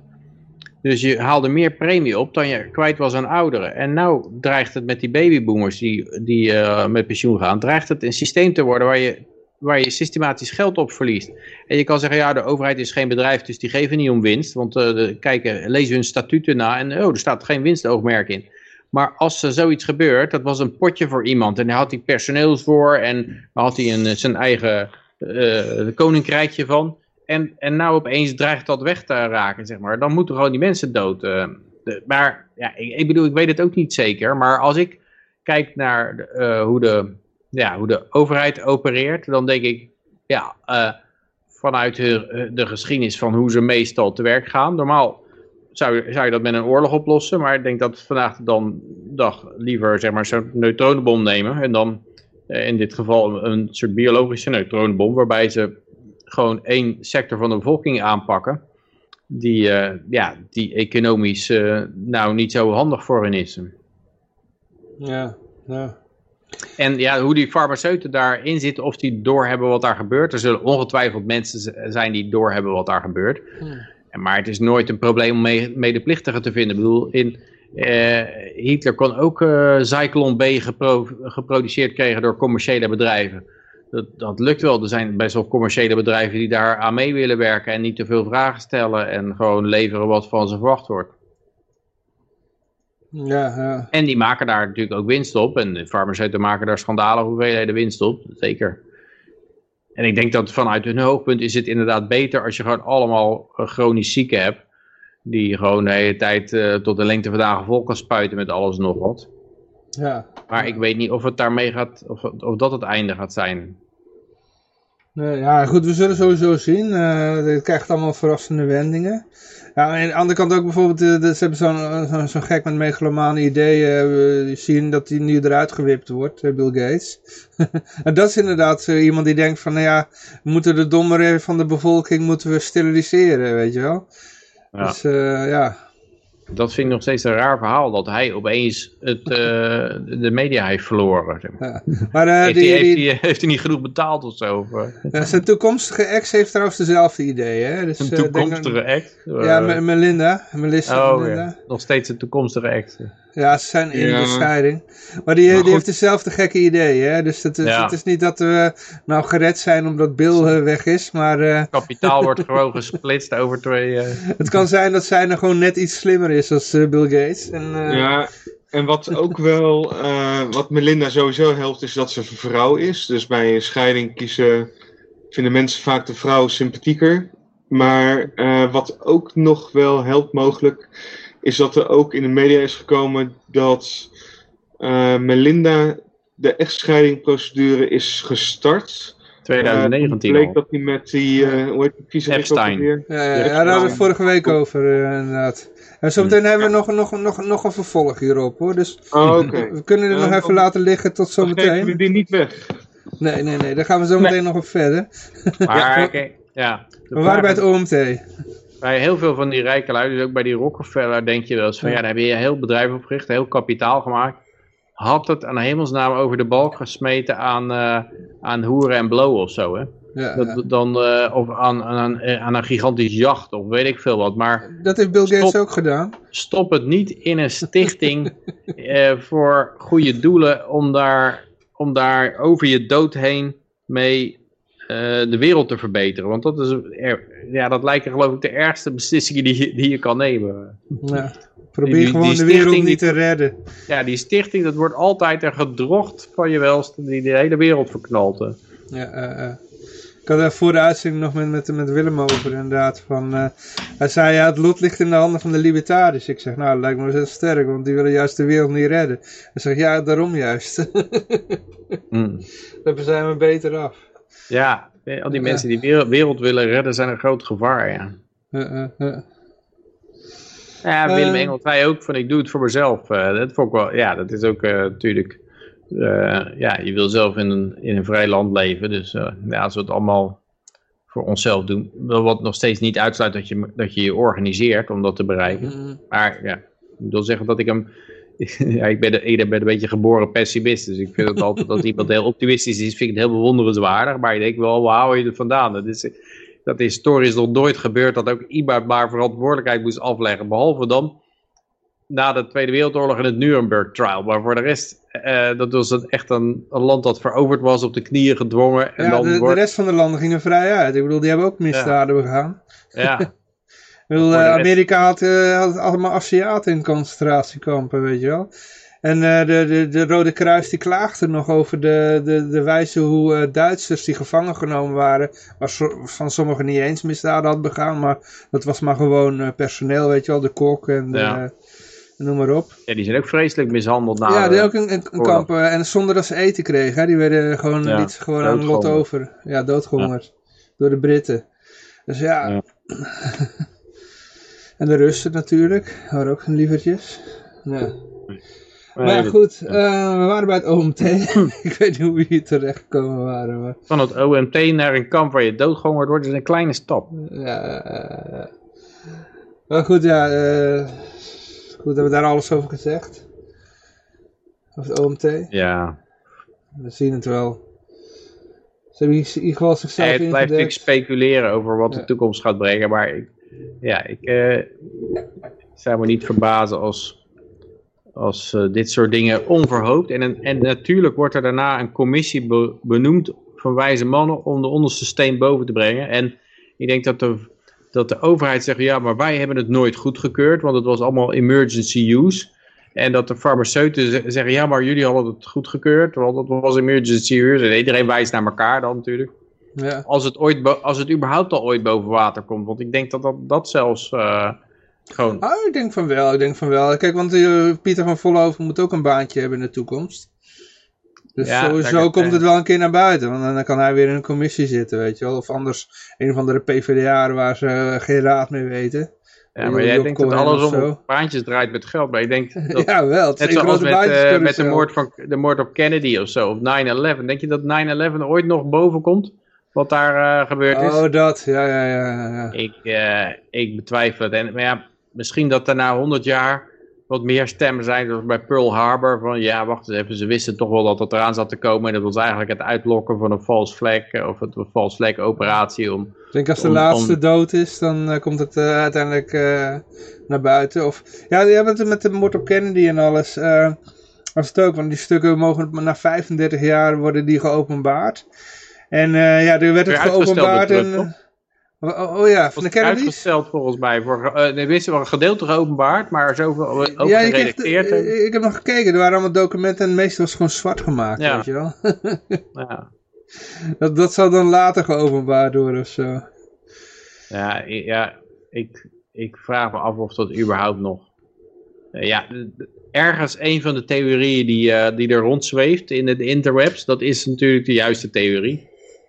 Maar eh, ja, ik denk dat er nooit ja, de, ja, de, de waarheid, dat er consensus komt over de waarheid of zo. Dat ze laten zeggen, nou we hebben nog eens allemaal goed nagekeken en alle documenten zijn openbaar. En maar ja, kennelijk was dit en dit gebeurd. hè. Ik, ik denk dat sommige dingen die, ja, die nemen mensen gewoon mee in hun graf. Want ja, Ik denk dat een hele waarschijnlijke theorie gewoon is, en die verzin ik nou gewoon ter plekke, dat het daadwerkelijk eh, iemand vanuit het raam schoot. Maar ja, dat is een onmogelijke engel om iemand in een rijdende auto mee te raken, hoe goed je ook bent als scherpschutter. Maar dat dan iemand reageerde daarop, eh, van, de, van de guard die daar gewoon stond, daarop reageerde van eh, schrik zijn pistool liet afgaan. En dat daarmee Kennedy geraakt werd.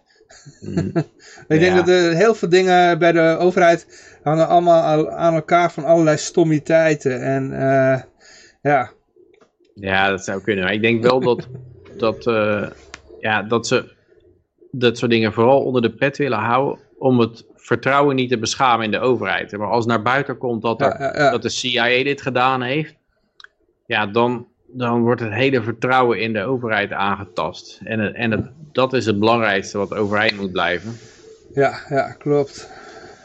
Dus eh, ik denk dat de, de grootste taak van de overheid is alles in de doofpot houden. En nummer twee is, is denk ik gewoon eh, iedereen vervolgen die eh, wil whistleblowen. En ja, zo gaat het daar de hele tijd door. Het is alleen maar bezig met het imago in stand houden wat er eigenlijk niet is. Weet je wel, want we moeten er met z'n allen in blijven geloven, want eh, anders gaan we moordend en plunderend over straat. En wat je dus hebt, is dat er gewoon mensen in een uniform nu eh, eh, moordend en plunderend over straat lopen. Dus op zich zou je geen verschil hebben. Het ergste wat je kan hebben, is dat er dan mensen zonder uniformen rovend en plunderend op, over straat lopen. Maar dan heb je in ieder geval nog een wapen om jezelf te verdedigen. Ja, ik denk dat dat niet zo, eh, niet zo lang zal duren inderdaad. Maar je ziet ja. nou in Amerika, dat hebben ze de defund the police gedaan, een tijdje, zogenaamd. Eh, eh. En daar zijn ze nou allemaal op aan teruggekomen. Want eh, ja, de criminaliteit liep de, eh, race de padden uit. Dus dan zou je, het lijkt dan eigenlijk van ja, de burger heeft geen tegenreactie op stijgende criminaliteit. Eh, ja, ik, eh, ik zou zeggen, ik denk dat zeker de enorme verhuizing die plaatsvindt. Ik denk dat weinig burgers de zin hebben om echt een battle aan te gaan. Zeker als je gewoon zelf dan in de gevangenis gegooid kan worden. hè. Wat je, wat je bij die Antifa-gasten zag, dat, dat die, ehm, eh, de politie gewoon aan de kant van, de, van Antifa hielp eigenlijk. Als iemand zich verdedigde, die, werd op een kruispunt aangevallen door Antifa. Er stond gewoon politie bij, die deed niks. Trekt die vent, die chauffeur van de bestelbusje zijn pistool en wordt hij ingerekend. Dat betekent dus eigenlijk dat, je, dat de overheid gewoon de verdedigende kant ook nog eens aanvalt. eh. Dus ja, Ja, ik denk in ieder ook geval zonder dat overheid had je nog een weg naar buiten kunnen schieten. Ja, ik denk ook dat ze dat- doen ze geen gezeik hebben met die... eh, Ja, ja. Maar die eh, Antifa-gasten die maken het persoonlijk, denk ik. Hè? Als, je, als, jij, als zij weten naam en toenaam wie die politieman is, dan, dan zoeken ze die wel even op en dan maken ze de rest van zijn leven tot een hel. En, en eh, ja, dan, eh, dan denken die politie en die rechters van, eh, nou, aan mijn lijf geen Polonaise, daar word ik niet voor betaald. En in een vrije maatschappij zou, het natuurlijk, zou dat veel moeilijker zijn. Als dan, want dan zou die rechter klanten gaan verliezen. Als, als het duidelijk is dat die rechter zich laat koeieneren door allerlei criminele elementen in zijn uitspraken. Dan is hij gelijk al zijn klanten kwijt. Want ja, wie wil er nou lid van zijn? Behalve de criminelen zelf. Wat altijd noodzakelijkerwijs een minderheid is. Anders dan, dan werkt het überhaupt de democratie ook niet. Ja. Je En, ziet eh, ook in, eh, in, die, in, die, eh, wa- in die steden waar, dan, waar je veel van die democratische rechters hebt, die dan eh, ja, automatisch kant van Antifa kiezen, dat dan de, eh, ja, dit soort situaties dan ontstaan. En eh, daardoor zie je dat heel veel bedrijven dus wegtrekken uit die steden. Ja, Dus eh, zien ook, ook gewoon kleine retailers en zaakjes, winkeltjes, supermarkten, sluiten allemaal de deuren. Denken, nou, wij zoeken wel een andere stad op. Maar eh, hier, eh, hier gaan we onze business niet doen. Want als er dan een shoplifter is en die heeft toevallig een kleurtje, ja, moet je die laten gaan. Want ja, ik wil geen gezeik hebben met die, met Antifa.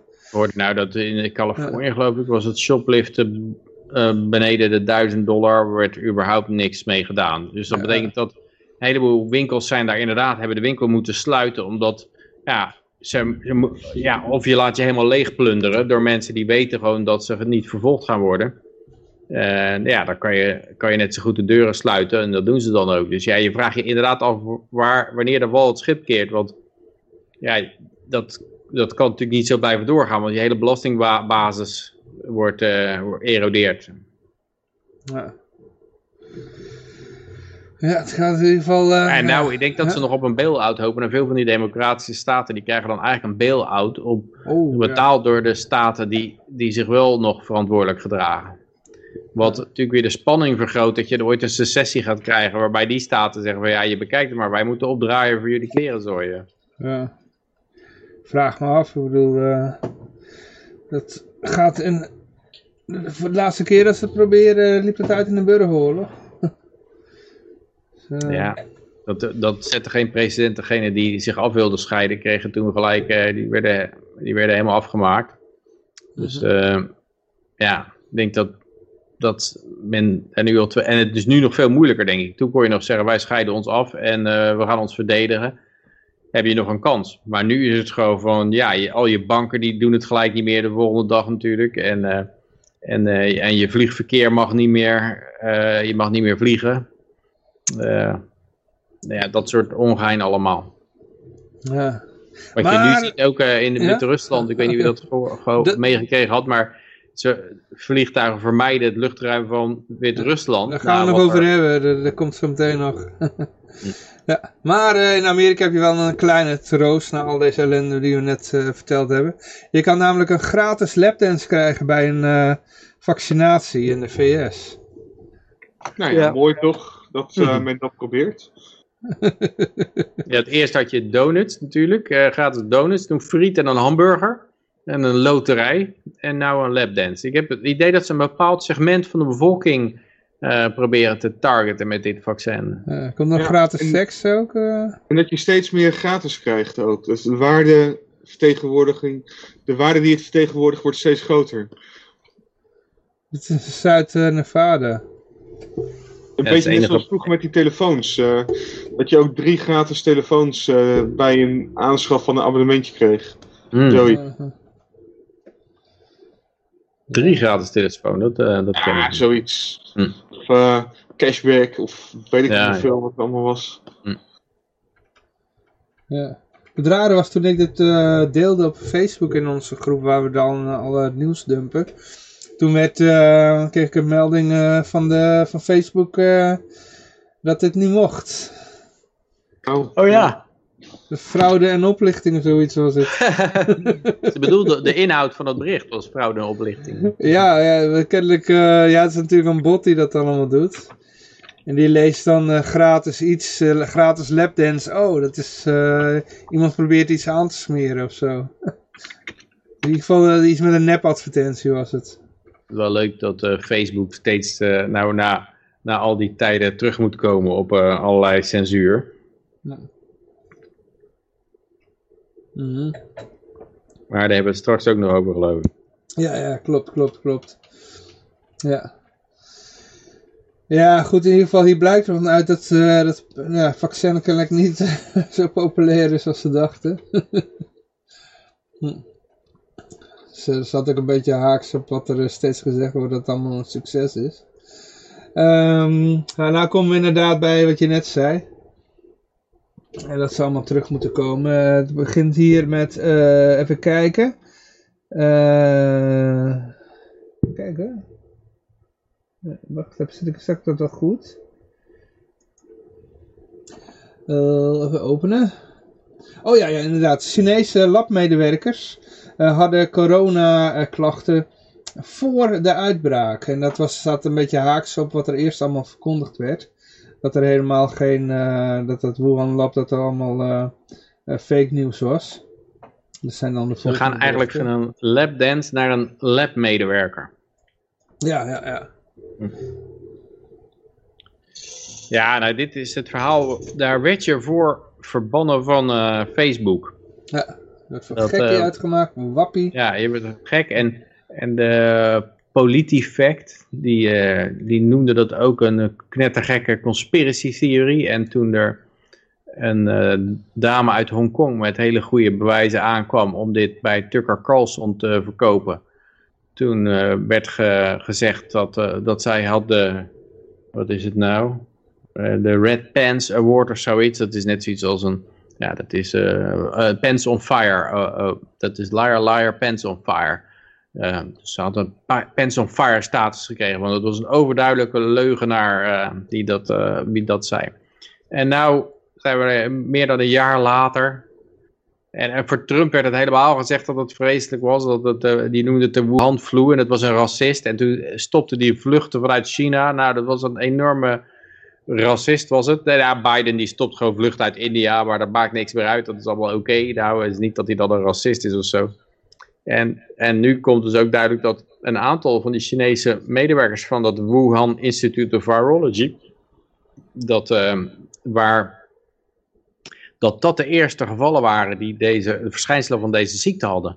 En niet op die wetmarkt waar die, eh, waar die beds ver- verhandeld werden, Ja. zogenaamd.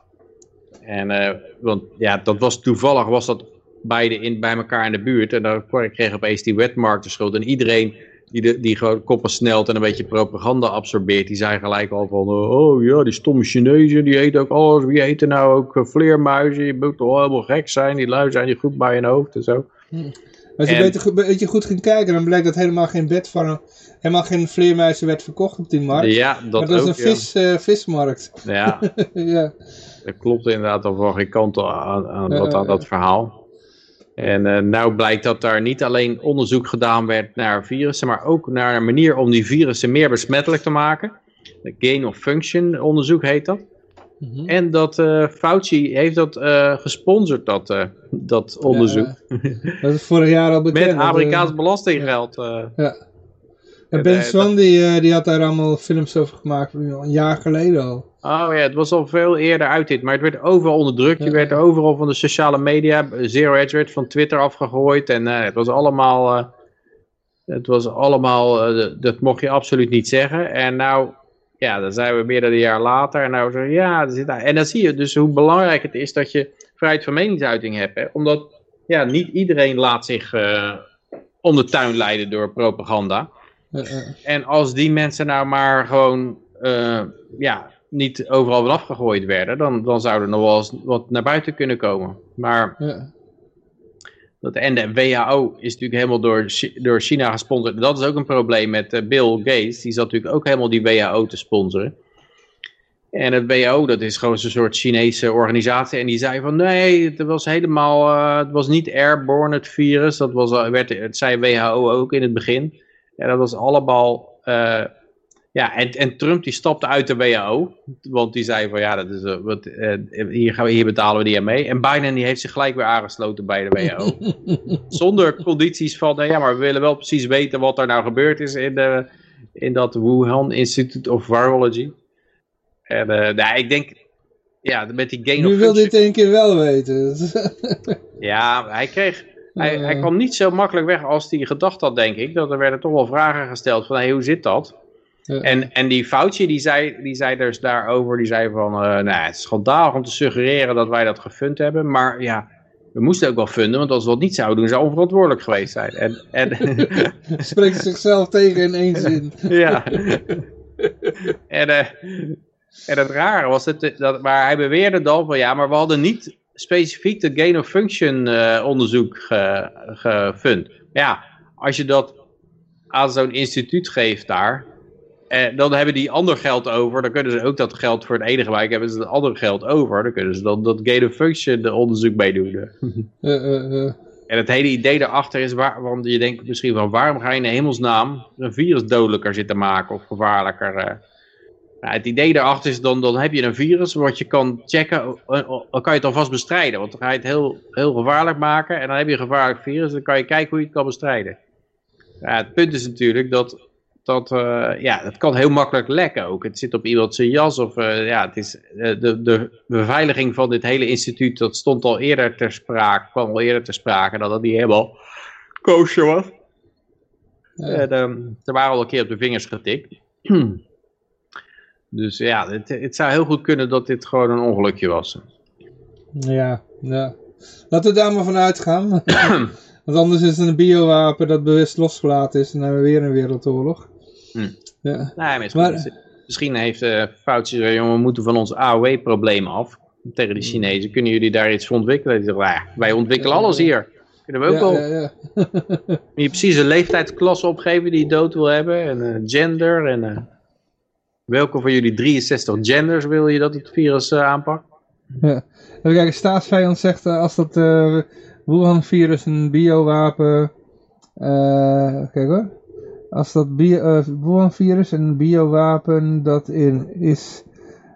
Is het wel het allerslechtste biowapen ooit? Alleen de Ja. hoogbejaarde obese vijand met longkanker en hartklachten gaat eraan. Ja, ja ik zie het meer als een, inderdaad als een manier om, om de... Want het, is het is bekend dat het heel moeilijk is om een echt biowapen te maken om de vijand te vernietigen. Hè. Dat, eh, dus een Japanse generaal die heeft dat geprobeerd. Die is een keer ge- gedegradeerd omdat het terugsloeg op zijn eigen manschappen. En het was gewoon heel moeilijk om dat viraal te laten gaan. Omdat ja, mensen worden immuun. Die immuniteit die strekt zich heel snel uit. Ehm, ja, het is, het is, eh, ze proberen zich te verdedigen, te beschermen. Ze gaan maatregelen nemen. Dus het lukt bijna niet om, om met biowapens echt veel uit te richten. Eh, maar ja, als je het inent, dan gaat het natuurlijk wel een stuk makkelijker. Dat is wel... Ja, ja, ja. ja, in ieder geval, ja, de, vorige, volgende berichten hadden allemaal hiermee te maken inderdaad. De flipfloppende Fauci, die, ehm, dat had je al genoemd. Eh, oh ja, wat ik ook nog las, eh, nee, dat hoorde ik van de week in de podcast. Een, eh, eh, indirect dan een, ehm, nee, er werd dan een, ehm, een medewerker van zo'n factcheck organisatie geciteerd. Ja, iemand die las het voor in die podcast.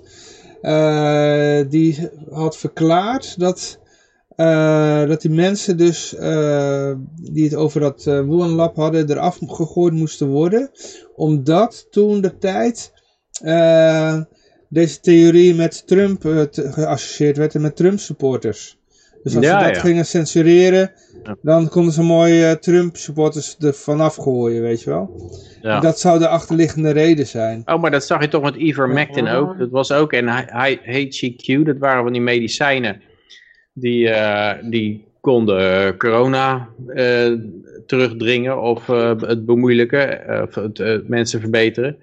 En dat wel, Trump die had gezegd, nou we hebben misschien wel iets dat goed werkt. En toen, toen nou, het ging gelijk de hele wereldoorlog, was Trump en hij wilde mensen met chloor injecteren. En, die, en zelfs die Nederlandse eh, arts, eh hoe heet hij ook weer, Rob Elens. Delens, Elens. Delens die eh, uit Limburg, Ja. die mocht het gewoon niet meer voorschrijven hiervoor. Terwijl ik hoorde nou laatst dat ze in India hadden ze dus, ehm, ja, ze zijn ook druk aan het vaccineren begonnen. Toen kregen ze enorme piek cases. En nu zijn ze weer terug naar ivermectin. En de cases die knallen gelijk weer naar beneden. En ook het aantal IC-opnames, het aantal ziekenhuizenopnames. En er was één staat waar ze die Stalin hebben gekozen. Die, eh, die, die gast, die, ja, wat what's in the name, hè. Maar eh, ja, we deden daar nogal lachen over, want ze hebben de Stalin gekozen in India, maar dat was een, was een deelstaat. En die deelstaat die bleef stug volhouden niet ivermectin te gebruiken, ook een Trump-hater waarschijnlijk. Totdat het aantal cases daar gewoon door bleef stijgen. En toen is hij ook omgegaan en nu is het, eh, is het daar ook aan het dalen. Dus het, het helpt wel degelijk. Ja, ja, En nog steeds wordt er hier gedaan alsof het, eh, ja, alsof het eh, het ergste van het ergste is. En, eh, als je, je bent een complete wappie als je daarin gelooft. eh. Ik had, En wat ook nog vorig jaar meespeelde rond dit, eh, deze, Thema. dit, dit wat nu fake, of tenminste wat nu gewoon geen fake nieuws meer blijkt te zijn, is dat men ook zwaar afhankelijk was voor, van China voor die mondkapjes. En dat men Ja. niet op dat moment China eh, zo boos wilde maken dat, eh, dat men geen mondkapjes ging leveren. Dus moest het ook wel uit de pers worden gehouden. En dat, dat schijnt ook nog meegespeeld te hebben. Mm. En dat krijg je misschien weer te maken met dat China ook in sommige mediakanalen behoorlijk wat aandelen heeft. Of Chinese bedrijven dat hebben in. ja, ja, die moeten vooral eh, te vriend gehouden worden, hè, want heel veel economische belangen natuurlijk. Precies. Je moet, je moet niet vergeten, als jij een eh, fabriek in China hebt, eh, tenminste jij hebt een, met een Nederlands bedrijf of Amerikaans bedrijf, en je hebt een product dat in China gemaakt wordt, dat bedrijf wat je in China hebt, dat, daar moet dan eh, meerderheidsbelang in Chinese handen, moet dan in Chinese handen zitten. Vaak wordt dan een mannetje aangesteld die dan lid is van de Chinese Communistische Partij. En die heeft 51%, dus... Uh, ja, volgens mij maakt dat ook niks uit. Want ook als je 100% hebt, zoals die Alibaba-gast, dan, ben je er, dan heb je ook niks te vertellen. Dus of je nou 51% of 49% nee, maar zo hebt, heeft of, China dus... Uh, of 23% of uh, 82%, je hebt sowieso niks te vertellen erin dat bedrijf. Nee, maar kijk, uh, wat, wat ik wil zeggen, zo heeft China dus een hele uh, grote vinger in de pap in jouw bedrijf. Omdat jij je Ja, maar het is jouw bedrijf niet, uh, zeg ik al. Toch? Nee, nee, nee. Begrijp nee, je wat ik, wat ik probeerde te zeggen? Ik zeg ja, ja. nee, het bedrijf, niet, het bedrijf... Je kan wel zeggen van, oh ja, maar ja, 100% zijn, is, heeft volledig de eigendom. En die Chinezen, wat ze nou doen, dat zij houden 51% voor een Chinees. En dan heb je als buitenland heb je maar 49. Maar je hebt allebei niks eigenlijk, want dat is gewoon helemaal van de communistische partijen ja, klopt, uh, eigenlijk. Klopt, klopt. Ik bedoel, uh, ja. die Jack Ma die dacht uh, dat hij de 100% bedrijf had. dat was ook zo weg. Ja. Dus maar dat, wat ik wil zeggen is van, kijk, Apple die zit in Amerika, maar die heeft dan zijn, een, een Foxconn zit dan in, in China en die maken die, die iPhones voor Apple. Ja. Snap je? En Foxconn, daar zit, daar zit dan in die fabriek in China, daar zit dan gewoon, dat is dan voor de helft van voor de meerderheid dan van een, uh, van een Chinees. Ja, maar het is niet van die Chinees. Die, die nee, Chinees, uiteindelijk is het van de communistische De Chinees denkt ja, alleen ja. dat het van hem is. Ja, nou, die zal ook wel beter weten natuurlijk. Hè? Die zitten gewoon de lijn van de Nou ja, communistische dan vraag je partij je wel eens af. Want, die, want zo'n zo Jack Ma, die ging volgens mij wel al, had hij op een gegeven moment een beetje capsones gekregen. Dat hij dacht Ja, van... ja, eh, ja, ja. En, en laatst was er ook zo'n Chinese bedrijfs-CEO of eigenaar, ik weet niet precies wat zijn functie was, maar die, die tweette alleen maar een gedichtje van uit, van een 8e eeuws gedichtje van een keizer. En binnen no time kon de IRS, eh, of de Chinese IRS bij me over de vloer, de anticorruptiebestrijding, want dat, dat, dat gedichtje was eigenlijk een beetje kritiek op de machthebber destijds. En als, omdat hij dat retweette, doet dat, deed dat denken dat hij ook kritiek had op Xi Jinping. En, uh, en hij was gelijk te schaken. De aandelen stortten 30% in. En, uh, dus ja, wie is daar nou eigenaar? Ja, ik denk dat... En dat is Ja, hier... het communistisch land, hè, you own nothing and you be happy. hè. ik denk dat het hier in, in, in uh, westerse landen ook steeds meer het geval is. In Nederland heb je natuurlijk al dat de ondernemingsraad wordt benoemd door, door uh, wat is het, uh, de, de SEC zit erin, het is, of het is, ja, er zitten vakbonden in, en de overheid en de aandeelhouders. Dus je, Oh, ja, je, je, hebt een, je hebt een beetje wat te zeggen over je eigen bedrijf. Maar als ze opeens besluiten dat uh, ja, we, gaan, uh, we gaan onze CO2-reductie halveren, uh, productie halveren, dan uh, als, aandeelhouder, als aandeelhouder, als je dan zegt van ho, ho, ho, dat vind ik niet zo'n geweldig idee, want dat is onze core business, dan heb je gewoon niks te vertellen. En uh, ja, wat dat betreft is het, is het allemaal niet zoveel verschillend. Het is alleen, ja, het, het, je merkt gewoon het hele domme van communisme was echt het communisme zoals het formeel is. Dus dat is de staat echt overal op papier ook eigenaar van. En dan zie je dat mensen gewoon denken van, uh, la, laat die fabriek maar wegrotten, want uh, dat is toch niet van mij en uh, waarvoor zou ik daar moeite voor doen?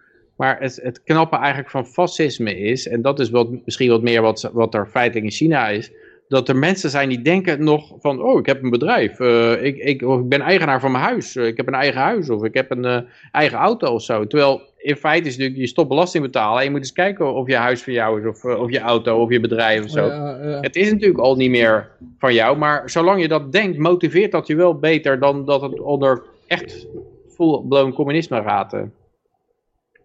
Ja, Willemien. Oh, daar is de camera. Willemien, uh, leuk. Uh, je wordt een nieuwe volgeling erbij. Ja.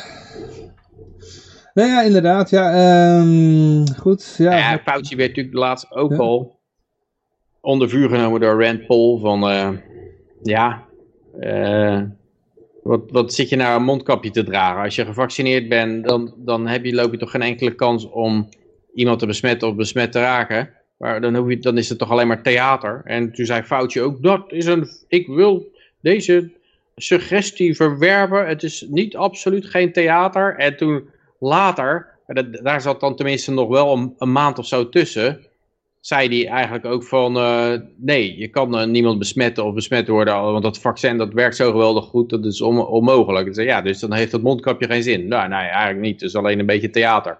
dus eigenlijk... eh, er zijn natuurlijk zat libertariërs die dat allemaal zitten te volgen. En hup, clip, die handel, flop. En dan gaat de Red Bull, die kon er weer mee aan, mee aan de haal gaan. Eh, eh, ah, dus het is toch theater. En, en ik denk ook, zo'n Fauci, die is ook al 87. Zoiets, eh, die is al ver in de 80. Dus die, die weet ook niet meer precies wat hij van de ene dag op de andere dag zegt. Die loopt ook een beetje op zijn op zijn routine. Dus ik denk dat... dat eh, nou hij heeft dat- er gewoon, eh, hoe lang zit hij daar? 35 jaar of zo? Ja, hij zit al sinds, eh, sinds George Bush geloof ik of zo al. Ja. Maar in ieder geval, die heeft eh, gewoon al die tijd... eh, nou, volgens mij zei Ron Paul nog een keer in een interview... Want die is ook arts. Of gynaecoloog. En die zei van, ja, toen ik nog... voordat ik in de politiek zat, had ik al met Fauci te maken. En nu ben ik uit de politiek en hij, hij is er nog steeds. Dus die zit er dan heel erg lang. Hij zit er heel erg lang, ja. Ja. Ja, maar in dus, ieder geval, omdat hij eh, voor de tijd van het internet, ja, toen kon je eigenlijk alles zeggen, want het geheugen Ja. was heel kort voor de mensen. Want ze konden niet even op internet gaan om oude filmpjes terug te kijken. Dus toen kon je gewoon alles er- eruit flappen wat je maar wilde. Maar het- ja, Hij staat natuurlijk ook op video van hij, het begin van die pandemie. Van ja, je hoeft geen mondkapjes te dragen, want dat slaat nergens op. En toen op een gegeven moment zei hij van nou ja, je moet wel een mondkapje dragen, want het, ja, het kan wel eh, wel helpen. En toen op een gegeven moment twee mondkapjes, dat was toch wel beter. Ja, dat, ja, dat spreekt voor zich, zei hij toen. die man die lult echt. maar ik denk dat hij nog uit de tijd eh, verder komt dat, dat, dat je dat eh, van alles kon zeggen. Omdat hij gewend was dat mensen dat allemaal weer vergeten de volgende dag. Hier is uh, eh, Eldora Dot zegt in de chat nog, vaccinated persons can still be infected and infect others. None of the vaccines are tested on this matter. Ja, dat is natuurlijk zo, maar dat, dat is niet iets wat hij, hij kan erkennen. Hij, uh, Fauci moet natuurlijk zeggen, dat hij, die dingen zijn geweldig getest. En uh, nee, ze beschermen je enorm goed en het helpt allemaal. En, want, want als hij zegt, ja, je, moet gewoon je mondkapje blijven dragen en binnen blijven, want dat helpt niet. Dan zeggen mensen natuurlijk van, ja, laat allemaal zitten dat vaccin, als ik er toch niks aan heb. Dan, dus uh, ja, dat, uh, dat is gewoon een, of iets waar die in gevangen zit. Uh. Ja, ja. Ja, goed, nou, dan gaan we naar de bromance tussen Bill Gates en Epstein. Die heeft weer een nieuwe verrassende wending gekregen. Elke week komt er weer iets nieuws naar boven hoor. Maar in dit geval was de bromance, de brother romance, uh, was uh, vanwege het feit dat Epstein Bill Gates wel aan een Nobel Vredesprijs kon krijgen. Je verzint het niet. Nee, dit verklaart wel waarom, waarom Obama hem kreeg. Want dan hangt er toch een heel wereldje van democraten om uh, Epstein heen, hè? Op de manier om een... Ja. ja hij, hij staat natuurlijk ook zat met, met uh, Trump op de foto. Maar ja, dat was die, toen, die nog een democraat ik, was. Ja, ja, die toen, is toen wel, denk ik, ja. Zijn leven lang een democraat geweest. Die is toen alleen maar even bij de Rep Republikeinen ge gegaan om president te worden. En toen hij wegging lag de hele GOP overhoop. Dus dat was de grootste democratische troll binnen de Republikeinse partij. eh. ja. ja, het zou kunnen. Het zou kunnen. Het is een theorie. Maar het is wel zo, het, eh, wat ik over Epstein eh, en, en, en Trump gehoord heb, is dat Trump heeft hem een keer van het Mar-a-Lago afgeschopt en daarna is het contact verbroken. Want Ja. hij zat aan een van de dochters van, eh, van een van zijn vrienden, geloof ik. Toen was het afgelopen met, eh, met Epstein en Trump. Mhm. En er was later ook was het gebeurd dat, dat de advocaat van een van die slachtoffers van Epstein, of van meerdere slachtoffers zelfs, die, die schreef al die lui aan om, om informatie, verzoek om informatie.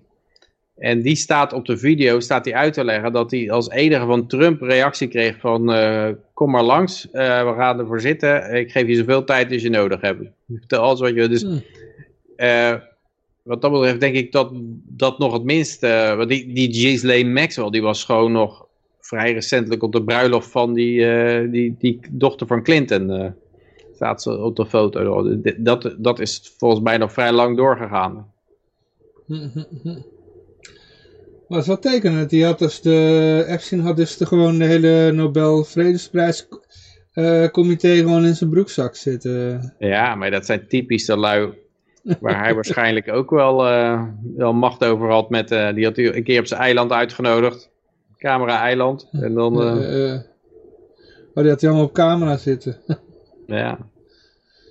ja. Hoewel je afvraagt wat hij nou werkelijk had. Want dit is gewoon alleen al de suggestie. Maar die, maar die prins Andrew ook. Dan zie je met prins Andrew zie je ze, zie je ze, zie je ze rondlopen. hè. Zo- Zo'n foto zag je van. Epstein en Andrew die aan het wandelen waren. Maar het lijkt me vreemd als je, als je tegen zo'n figuur zegt van... Nou, ik heb een filmpje van je, van wat je woensdagavond uh, hebt uitgevreten in mijn New Yorkse townhouse. En uh, we gaan eens onderhandelen. Dat je dan nog gewoon nog met zo iemand een wandelingetje gaat maken. Dat ik zou daar toch wat problemen mee hebben dan, denk ik. Een ommetje. Ja, een ommetje maken, wat uh, zaken te bespreken. Het kan ook zijn dat hij dat nog niet verteld heeft aan Andrew, maar dat Andrew gewoon zoiets had, oh, dat is een sympathieke gozer. Uh, kan daar, uh, hij heeft altijd lekkere wijven voor me, weet je wel. En dat hij gewoon totaal niet het idee had dat het allemaal op camera zou staan. Ja, misschien had, zei hij dat dan ook pas als het echt nodig was of zo. Ja, dat, dat is gewoon een pressiemiddel wat je gebruikt ja. als het inderdaad de, de, de onderhandelingen wat minder gaan worden, ja. zeg maar. Ja. Of als iemand eruit, Epstein, eruit wil dat stappen. Epstein zegt, ik heb het laatst ja. nog eens na zitten kijken op video, uh, Andrew, en uh, jij was lekker bezig. dan zeg je op zich niet, ik ga je chanteren, maar wel dat je het op video hebt staan. ja, ja, het hoeft niet, het hoeft niet. Kijk, het is iets wat je dan gebruikt wanneer je uit de, de deal wil stappen, hè? Hmm. Dat, op het laatste moment, dan, dan zeg je van, nou, wacht eens even, we hebben hier wat op video staan. Wil je, weet je zeker dat je wel uit deze deal wil stappen? ja, zo doe je dat. je klinkt een ervaringsdeskundige. Tenminste, zo doe ik dat altijd. zo zou ik het doen. ja, uh. Uh, kijk, oh, er wordt wat in het chat gezet. Uh... Fauci moet wel draaien, want anders neemt niemand meer dat vaccin. Want de mensen denken hun vrijheid terug te krijgen. Dat zullen de vaccinatieboeren hem wel verteld hebben. Ja, ik hoor, dat was toch ook zo'n een zo'n presentatrice die zei, ja, je moet, je moet de mensen wel een wortel voorhouden, want anders nemen ze het vaccin niet. Uh, want ze was zo boos dat, dat Florida en Texas de staat opengooiden zonder als tegenprestatie een vaccin te eisen. Want uh, ja, maar, maar straks zijn ze, gaat het leven weer gewoon door en dan, dan hebben ze het vaccin niet genomen. Je hebt je al onderhandelingsruimte verspeeld. Dat heeft ze echt zo gezegd. En ja, dan denk je wel van, wacht eens even, hoef je, moet je niet blij zijn als het open gaat en er gebeurt niks. Uh... Hij zegt de Europese Unie heeft ook de Nobelprijs voor de vrede ja. uh, gekregen. Dat, dat denk dus dat ik het Nobelprijswinnaar ben. Ja, staatsvijand, dat ben je. ja, ja, ja. Dat zijn we allemaal, Nobelprijswinnaar. Vereenzelvig jij... Vereenzelvig... De EU, dat zijn wij. Vereenzelvig jij met de E EU? en Nietzsche dat, toch? Ja, maar wat me ook nog te binnen schiet, kijk, uh, Epstein, die, uh, je, je kan die beelden ook nog als, uh, hoe dat? Als handelswaar gebruiken, hè? Dus het kan nog zijn dat heel veel van die beelden die... Dat je dat door, doorverkoopt aan Steve Jobs of zo. Ja, als je ooit nog eens van Bill Gates, bieden, of als ja. je ooit nog eens van Bill Gates af wilt, dan, dan heb ik hier nog een video voor je. Die kan het doen. Ja. Zo zou bijvoorbeeld Fauci of andere mensen, ministers van weet je wel, of die, die, die iets met volksgezondheid hebben, die zouden op die manier gewoon uh, sorteerbaar zijn. Moet je dat dan ook bij de belasting opgeven als in je box 3 zo'n video maakt? ja, ja, ja. Moet je laten taxeren? Ja. Uh, met een vrede is het Nobel Prize, Peace Prize is what Bill wants more than anything else in the world, een ex-staffer says. Wie wilde nou in de hemelsnaam, ga je de wereld op zijn kop zetten voor om een Nobelprijs te krijgen. En de Nobel Vredesprijs, die notabene ben je voorgegaan door de grootste moordenaars aller tijden. En dat is dan de prijs die je wil hebben. Ik denk dat hij gewoon een heel erg narcistisch persoon is of zo. Uh. Hij denkt ook van zichzelf dat hij de wereld kan redden, de zon kan verduisteren. Uh. Ja. Ja, uh, ik dat zeg maar zo'n miljarden bezitten dat dat toch echt te veel geld is. Want dat, die bedragen daarvoor, die kan je nog wel uh, stuk slaan, zeg maar, aan, uh, aan uh, weet ik veel. Ja. Nou, als je, als je een ik paar kan miljoen... het zo opmaken hoor. Ja, nou, Koop maar gewoon een shitcoin en... ja, ja. Nou, maar dat is eigenlijk wat Elon Musk aan het doen is ook volgens mij. Die heeft ook miljarden en, die, en ja, die, die, hij, is, hij is natuurlijk al bezig in zijn hoofd de wereld te redden. Maar ik denk dat hij gewoon, weet je wat? Ik ga vandaag eens gewoon een munt helemaal de stratosfeer inkopen. Even kijken. Dogecoin. Buy. Kijken wat. En op zich is dat wel. Is dat, dat, ja, dat is inderdaad nog geinig om, om met zoveel geld te doen. Maar inderdaad de zon te gaan zitten verduisteren en de hele planeet willen inenten. En uh, om een Nobel Peace Prijs te gaan zitten krijgen. Zo, wat, Wat beziel je man dan? Ja. En, en inderdaad ook een stichting oprichten om, om liefdadigheid te doen over je dood heen. Dan kan je inderdaad beter gewoon allemaal bitcoin kopen en, die, en, die, en, de, en de private keys weggooien. Zodat het, eh, zodat het gewoon eh, ja, aan de bitcoin community ten goede komt eigenlijk allemaal. Ja. Ja, ja, je ziet nou ook hoe het, eh, hoe het gaat. Ja, zal het ooit nog goed komen met Bill? eh? Nee, ik geloof niet dat... eh, ja, de pers kan natuurlijk iemand eh, verheffen en ook weer zo afknallen als ze willen. Ze dachten misschien, oh die Bill Gates, die heeft veel geld. We kraken hem nu helemaal af. En, eh, ja, dan moet hij eh, nog meer betalen om, ons, om weer een wit voetje te krijgen. Dan praten we weer de hemel in. Ja. En dan kraken we hem weer af en dan vragen we nog meer geld om weer de hemel in te krijgen. Ja, ehm, maar goed, ja, eh, ja de, de bromance. eh, volgende week zullen we wel meer, zullen we weer andere dingen hebben. Zal het weer een verrassende wending krijgen. Ah, ik heb ook het idee dat een heleboel van die, van die instituten, ik geloof dat ook MIT en Stanford er zoveel geld van die. Epstein hebben aangenomen, dat die zich extra nou uit, het, uit, het naad, uit de naad rennen om altruïstisch te lijken. En om, omdat ze het idee hebben van, ja, straks valt het zwaard van Damocles. Dan eh, komen die, eh, komt het beeldmateriaal naar buiten, dan hang ik, dan, eh, dan moet ik me alvast een legacy geschreven hebben.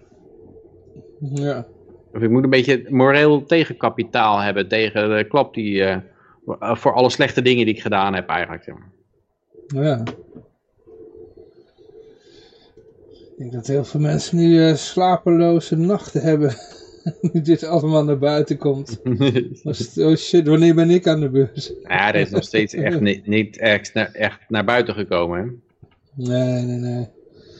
Het is, bedoel, eh, er, zijn, er- er zijn alleen foto's gekomen van allemaal hoge mensen die zijn appartement, eh, townhouse binnenstapten. Ja. Eh, en, en die dus waarschijnlijk in zijn pocket zaten. Maar, en, en dat weet je omdat hij een heleboel geld kreeg van Jan Alleman. ja. Maar voor geen duidelijk aanwijsbare reden. Ah, Prins Andrew en, en Bill Gates zijn nou dan... eh, En er zijn slachtoffers nu. Er zijn ook slachtoffers hier, dat is ook zoiets. Maar, maar er zijn niet, eh, ja, er zijn nog geen veroordelingen volgens mij van eh, daders of zo. Nee, maar ik bedoel, eh, Bill, Bill, Bill Clinton, die, komt er nog, loopt, die, die, komt nog steeds, die gaat nog steeds vrij uit. Ja. Ja. En die Zijn is een paar naam- keer naar dat eiland geweest, geloof ik. Dat staat op Ja, die die kwam wel flight heel, heel vaak. eh, Ja. die had er wel naar zijn zin daar. Een enorme potentie heeft die man toch op zijn leeftijd, man. Ja, eh, eh. ja, maar nu komen we bij Lukashenko.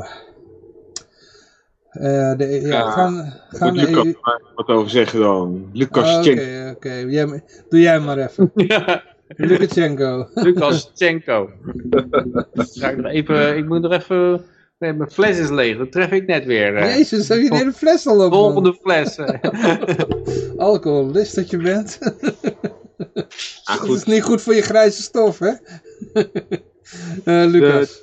de sancties die er zijn, ja, dat zijn niet echt, eh, en dat is op zich wel goed. Het zijn niet echt eh, sancties zoals we bijvoorbeeld nu ook bij Syrië zien, dat handel drijven niet meer kan. Eh, dus dat zou betekenen dat bedrijven daar minder het slachtoffer worden, van worden. Het zijn een beetje sancties zoals je ook voor de Russen al eh, ingesteld eh, zag worden.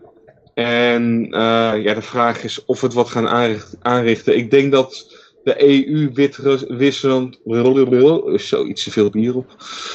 De EU Wit-Rusland harder nodig heeft dan Wit-Rusland de EU. Want Wit-Rusland leunt ook best wel zwaar op, eh, op Rusland zelf. En eh, ja, dat ze dus uiteindelijk niet zo heel veel af, eh, uithalen. Plus dat natuurlijk de EU tonnen boter op het hoofd heeft. Want zij hebben ook wel eens een keer vliegtuigen laten stoppen ja, om daar... dat was het andere bericht dat ik hierbij gevoegd had. Dat was bijvoorbeeld met die Boliviaanse Ja. eh, president. Omdat er van verdacht werd dat eh, Edward Snowden aan boord zou zitten. Alleen Ja. maar omdat hij dat voor, eh, voor de camera een keer had gezegd. Weet je wel, dat Ed- Edward gewoon asiel bij hem mocht aanvragen. Dus eh, Ja. ja. En eh, ja, dus het, het gaat allemaal niet veel uithalen. En dan zal men wellicht dan na een tijdje zeggen van ja, we moeten de sancties wat verzwaren. Maar ja, het, Oh, het oh, is oh. gebeurd. Ze hebben hem. En eh, ja, er werd natuurlijk nog zo'n filmpje getoond van hoe pep- peppy eh, hij was. Maar eh, ja, dat zat dan waarschijnlijk at gunpoint. Nou ja, goed, dat zou de EU niet anders hebben gedaan waarschijnlijk. En eh, ja, het, het gaat allemaal geen reet uithalen. Oh, oh, wacht Dus- eens.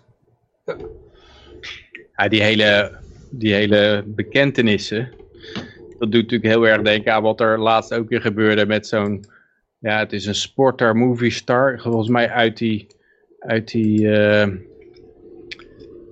hoe heet dat ook weer? De naam even van kwijt. Hoe heet die, oh, die gunrun operatie ook weer? Fast and Furious, ja. Uit die Fast and Furious, er was een gast die had gezegd, hij was in Taiwan en toen zei hij van eh, Amerikaan, filmster, bla bla bla. Toen was in Taiwan en zei: Taiwan is een land dat, eh, waar het eerst Fast and Furious kan worden bekeken. En tegelijk de CCP zei: Taiwan een land. eh, en de volgende dag stond hij al zijn excuses aan te bieden. Zo op de televisie: Oh ja, sorry. Ik was niet de bedoeling om eh, te beledigen. Taiwan is natuurlijk geen land, het is een provincie van China en, eh, enzovoort. En dan, eh, ja, dat is ook een soort publieke verontschuldiging, toch? Ja, Ja, ja, ja. Ja, absoluut. En ook totaal niet gemeend. Dat je denkt van, nou ja, oké. eh, ik weet toch. En, en dat is ook met zo'n basketballer gebeurd. Die zei, ja, Hongkong, Hongkong, go. Democratie. Ja, dan moest hij het ook gelijk eh terugnemen. Ja. NBA is een verontschuldiging aangeboden. Staatsvijand zegt uh, Obama had het record uh, elke dag dat hij in office was, acht jaar lang achter elkaar uh, de USA in oorlog en hij kreeg uh, als POTUS de Nobelprijs voor de vrede. Oh, dat is nog wat, wat we hiervoor zeiden, ja. Ja, toen hij net begonnen was. Ja, hij, hij kreeg hem vooraf, hè. hij kreeg eerst de Nobelprijs en ging toen bombarderen. Een soort aanmoedigingsprijs. Ja, ja ik, ik, was net even in de ver verwarring dat, uh, dat ik dacht dat uh, Yoshi uh, erbij zou komen, maar hij post het bericht dat hij nog moest koken.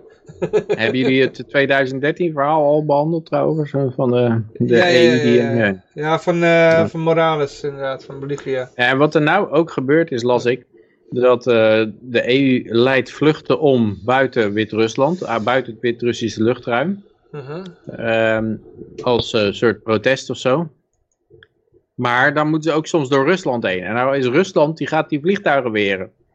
Dus dat... dat kost ja, serieus daar... Dat kost echt heel veel geld. Ja. En we denken eens wat dat met de planeet doet. Ja. Vreselijk. Vreselijk ja, voor de planeet. Dus niet meer vliegen, hè? dus snel vliegen verbieden. Ik hoorde, ik hoorde de planeet huilen van hieraf voor ik hem gewoon huilen. Ja, ja.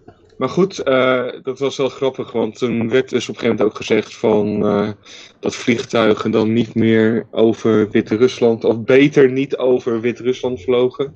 Hm. En het was juist ook Ryanair die gewoon weer doodleuk met een vluchtje naar Litouwen, wat gewoon, ja, dan kom je gewoon vanuit het zuiden over Wit-Rusland. Uh, die gewoon weer doodleuk over Wit-Rusland vloog. Zo van, I don't give a shit. Uh, vlieg gewoon de kortste route, want het is niet verboden. Het is alleen afgeraden dat ze doen. Ja, want het is ook, ja, het is ook nog steeds de vraag wat daar gebeurd is. Hè? Want wat de andere kant beweert, is ook weer zo'n geval waarbij je duidelijk even de andere kant moet le lezen. Omdat je, ja, het is van alle kanten propaganda, dus het, wordt, het is moeilijk om de waarheid te vinden. Maar zij, zij zeiden ja, dat was een bommelding. En, en die vent zelf heeft besloten te, te landen. Maar hij is helemaal niet opgedragen of zo. En als je landt als, met een bommelding, dan krijg je een straaljager erbij. Hè. Maar ja, dan wordt het verhaal van dat er met een straaljager uh, gedwongen werd dat vliegtuig te landen. Dat is natuurlijk wel uh, iets anders. Dan denk je gelijk van, oh, die vliegt erachter. Missiles lokt met zo'n gro zo grote kruis erop, zeg maar. Zo, piep, piep, piep, piep, piep, piep. En dan... En dan, uh, oh shit, ze hebben een missile lock op ons. Uh, nou, dan moeten we wel landen. Maar dat is ook weer, uh, ook weer een verhaal wat, ja, wat niet helemaal klopt, denk ik. Mm -hmm. Ja. Ja. Maar we zijn door de berichten heen. Doodse Oh jee. Ja. Heb ik net een nieuwe fles gehaald. Dan zijn we door de berichten We heen. kunnen nog verder lullen hoor, over van alles en nog wat. Er is nog zat gebeurd dat we nog niet besproken hebben. En eh Yoshi, ja, die, eh, die, die, die had net, eh vandaar dat ik even zo eh, reageerde net. eh, want die kwam net met een eh, berichtje dat hij... eh, ik dacht dat hij erbij zou komen, maar dat was dus niet zo. Ik wil zeggen, dan gaan we er net uit als hij erin komt. Nou, hij zei dat hij nog eh, dat hij ging koken, dus... eh, Ja, precies. Dan is hij klaar en dan komt hij er- erin en dan... Oké, we gaan. Ik zal even typen. Ja, laat maar.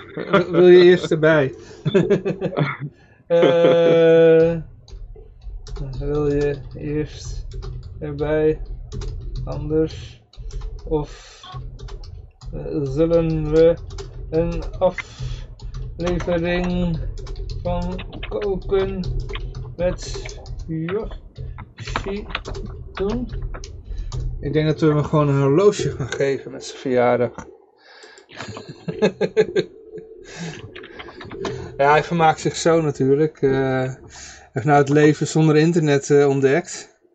Dus, eh Heb Welke geen bericht, waar typ je dan naar? nee, Yoshi? Ja, maar die zit niet aan het internet.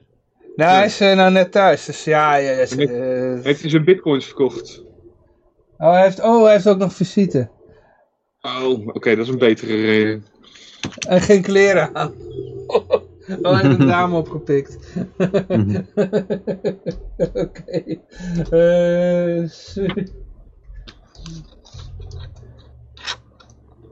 eh, eh, ik was ik doe het helemaal fout.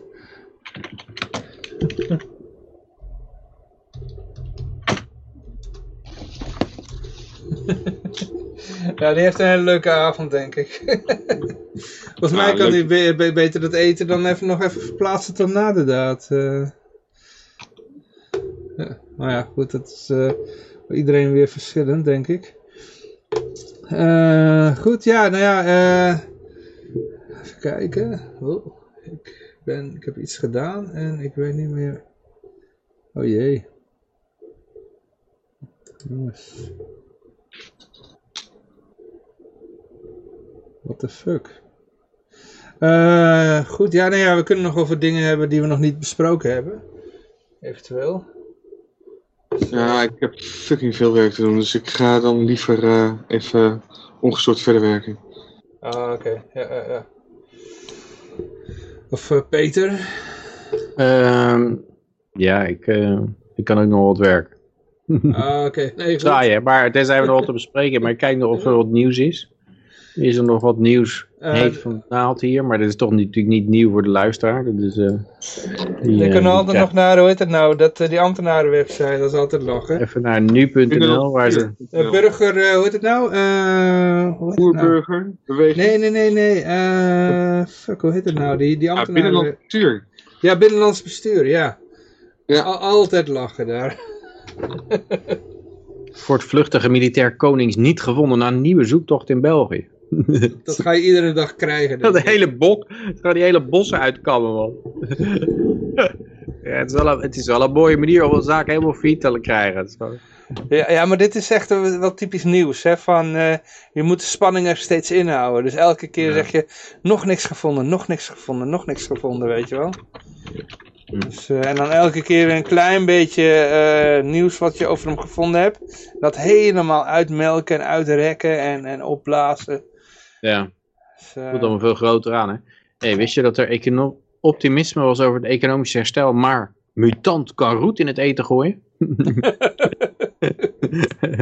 Had je dat al gehoord, dat er een mutant was? Ja, nee. is echt ongelooflijk hè. Het, eh, het muteert dat virus. Ja, je weet, je, maakt, je verzint het niet gewoon. Dus, eh. Ik kan ook nog even aan de chat vragen hoor. Wil, want hoor het, Peter heeft net zijn glas whisky ingeschonken. Dus eh, totdat die de bodem bereikt is, waar kunnen we het over gaan hebben? Eh, laten we even kijken op telegraaf.nl, dat is altijd leuk. Ik heb hier nog een bericht. Dief steelt zes scootmobielen. Politie vindt ze dezelfde dag terug. Dat is, dat is inderdaad nieuws. Dat is, ik heb, ik De hoor dief dat niet denkt vaak. zes, volgens mij waren het er tien. nee, maar dat de politie überhaupt iets terugvindt. Van het- wat gestolen is. Dat is wel, eh, wel nieuws. Volgens mij Den- Dennis, die zoekt zijn fi- fiets nog steeds. Dat wil ik zeggen, Dennis de fiets is nog steeds niet terug. ik denk dat Dennis zijn fiets wordt een, eh, wordt een her, zich, eh, ja, een repeterend thema hier. Op, op een dag ziet hij een politieagent op zijn fiets rondrijden. Bij elke overheidsverspilling wordt er is Dennis zijn fiets al terug? nee, dan is dit, eh, hadden ze hier dat geld aan kunnen besteden. Ja, ja, ja. Oh, dit is wel een leuk nieuwsbericht. Hanna Verboom voor tweede keer moeder geworden. Wie? Hanna Verboom. Ik weet ook niet wie het is, maar het staat in idee. Kamer. Nieuws. Maar moet ze ook het gasfornuis schoonmaken? Want dat, eh, dat is het belangrijke punt. Of heeft ze elektrisch koken? Dat is eh, veel makkelijker schoonmaken is. Het schijnt dat de, de doorsnee, eh, doorsnee tv-kijker maakt zich nu heel erg druk over Little Kleine en zijn relatie. en André Hazes. Oh ja, wat, Nieuwe. eh, oh ja, wat heeft hij nou weer gedaan? Heeft hij weer een nieuwe, nieuwe Ik weet bejaarde geneukt? Of, Geen idee, maar... Nou, nou, nou. heeft hij al inmiddels met Patricia Paaien? Ja, een bankbiljet uit voormalig Nederlands-Indië verkocht voor bijna 26.000 euro. Dan zie je dat het toch deflatie is. Hè? Dat zo'n eh, die Ja. bankbiljetten. Ze zeggen allemaal dat ze waardeloos zijn. Hier heb je er eentje die is 26.000 euro waard. Oh, Oké. Allemaal bewaren die euro's, mensen. Bedrijven krijgen geen sch- kwijtschelding belastingsschuld. Nou ja, dit, eh, op zich kunnen mensen dit allemaal wel lezen ook natuurlijk zelf. Dus, dat soort, eh, niet, niet, wij kunnen niet, niet van, Ik denk van onze geweldig doelgroep, commentaar voorzien of zo. onze doelgroep zijn natuurlijk allemaal libertariërs die de hele dag in een, eh, hoe noem je dat? In een prephol zitten. Met al hun goudstaven. En Die hebben geen, geen tijd om het nieuws te lezen hoor. Die zitten de hele dag op conspiracy websites te kijken. Mhm. Airbus wil in 2023 meer A320 produceren dan voor de coronacrisis. Dat, vind- dat, dus kennelijk verwachten die toch nog een toekomst voor de luchtvaart. Ik dacht dat het gewoon helemaal afschaf ging worden. We gaan terug naar een stenen tijdperk, net zoals na, de, na het Romeinse Rijk. Dat mensen opeens niet eens meer weten hoe ze een toilet eh, een riolering moeten maken. Mhm. Nou ja, eh, oh, ik, dat, ik kan me voorstellen dat je het hoopt als eh, fabrikant. Dus, Vliegtuigen. Het is gewoon hoop, zeg jij. ja. Nou, dat snap ik wel. Ja. Ja, maar als ik er nou zelf geld in moet steken, dan zou ik zeggen, eh, ja, je hebt toch wat meer dan hoop nodig. Dan zou ik even vragen aan de overheid, hey, gaan jullie die zaak nog, eh, nog cancelen of eh, blijft het eeuwig doorgaan? Mijn, mijn gok zou toch zijn eeuwig doorgaan. Maar ja, ze, ze zullen wel toch ook een manier vinden voor zichzelf om te reizen of zo, denk ik. Zal nog steeds wel kunnen, maar met allerlei... eh, Het is nou geloof ik al zo dat, eh, dat het niet geldt voor diplomaten en, eh, en overheidsheersers. en...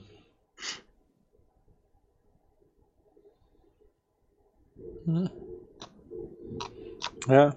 Zuckerberg, die ligt ook onder vuur, hè? Zo, Oh. nee, het is zo'n zo'n Project Veritas lek, waaruit blijkt dat Facebook, eh, Facebook-medewerkers, die geven dan toe dat ze, dat ze censureren.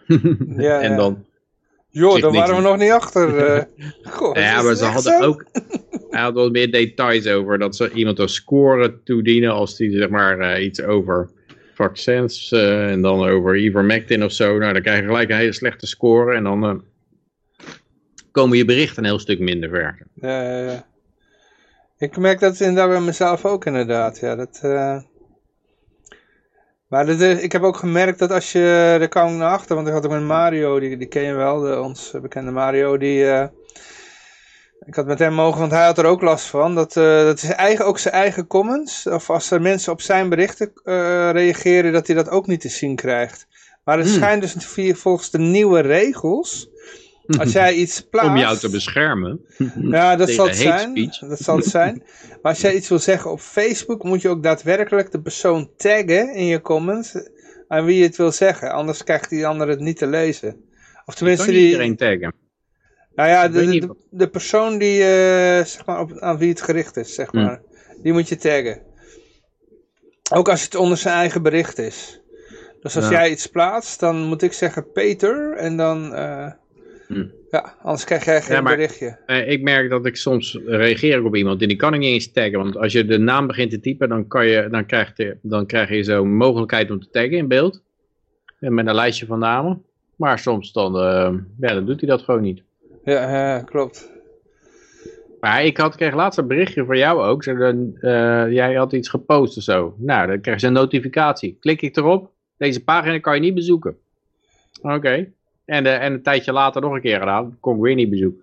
Nee, dan is hij, eh, of, eh, dan is hij waarschijnlijk eh, weggehaald. Het zal misschien dat bericht over de lapdansen zijn geweest, bijvoorbeeld. Hm. Ja. Dus dan is, er, dan is het verwijderd door Facebook, omdat het eh, volgens hun nepnieuws was. Ja. We moeten echt een alternatief zien te vinden, denk ik. Het is, het is net zoiets als dat je blijft zitten op Windows, terwijl je gewoon naar Linux wil. Eigenlijk weet dat je eraf moet. Windows Ja. is gewoon een prachtig eh, operating system. Nee. En Facebook is op zich ook wel leuk, want je hebt ook eh, wel gewoon goede groepen over bijvoorbeeld eh, jaren 80 auto's en zo. Dus eh daar kan Bitcoin nog niet eh, aan tippen momenteel. Dus eh, het is niet zo gek hoor. Ja, als je dat soort dingen, voor dat soort dingen is het inderdaad automatisch geschikt. Als je alleen Ja. maar over eten wil praten, ja prima. Of over Ja. katten. maar zodra je het over politiek gaat hebben, ja, dan moet je daar niet zitten, nee. Ja, of ook maar iets wat met waarheid te maken heeft. Of eh, wat, Ja, ja, ja. politiek. Ik weet wel, ja, vaccins is ook niet, niet zozeer politiek. Eh, klimaatverandering is niet politiek. Dus eh, wetenschap is eigenlijk al, al taboe. Ik zat, ik, iemand had mij ooit in een huis, eh, een groep van klussen aan huis gegooid. Waarom weet ik niet. Maar eh, ja, die, ik kreeg de hele tijd ja, meldingen zie ik dan voorbij komen. En eh, dus opeens zat iemand te klagen van, ja, dat zijn ramen, had mooie ramen gezet in zijn, in in zijn deur en die waren uit zichzelf gesprongen. Hij had een, hij had een foto geplaatst van, een, van, van, een, eh, van zijn deur met allemaal eh, ja, glasscherven nog erin, zeg maar. Hè? Dus het was Mhm. helemaal, helemaal weg, die raam. En ik had eronder geplaatst, is de BLM... eh, ja, het zag er een beetje als een soortje uit. ik zei, is BLM, BLM langs, langs geweest. En toen kregen we toch een hoop shit over me heen. Mm. En daarna werd ik uit die groep gegooid. Mm. Ja. hey, ik zie hier eh, Frans. Timmermans onder vuur. Rampzalige gevolgen van groen Europees landbouwbeleid. Zware kritiek op Frans Timmermans. Krijgen we nou, man? Eerst Bill Gates, nou Frans Timmermans. Ja. Al mijn iconen vallen van hun voetstuk. En ik, ik kreeg een eh, melding in de chat, eh, stelletje sukkels. Ik weet niet of ze het over ons hebben. Ja, we hebben al wel te veel op en we, we hebben eigenlijk niks meer om over te lullen. dus eh, als jij nog iets weet, eh, dan eh, gaan deze, dit stel sukkels gaan dan eh, ergens over lullen. Dus eh, u Ja. vraagt, wij draaien. Wat was er over Timmer eh, Frans? Timmer France. Peter? Eh, Ik, hij krijgt zware kritiek over zijn groene landbouwbeleid. Oké. Van wie? goed. Van wie? Ja, dan moet ik erop gaan klikken. Ik weet niet of ik daar zin in heb. Landbouwers. Ik zie ook nog de voorlopig weer streep door vakant vakantie Griekse eilanden. Dit slaat echt helemaal nergens op. Oké. Nou, ja, je moet, eh, je moet een boot hebben. Ik denk dat ik toch een boot ga kopen. En eh, met, zijn, eh, met een zeil, bij- zeilboot kan je gewoon overal naartoe gaan.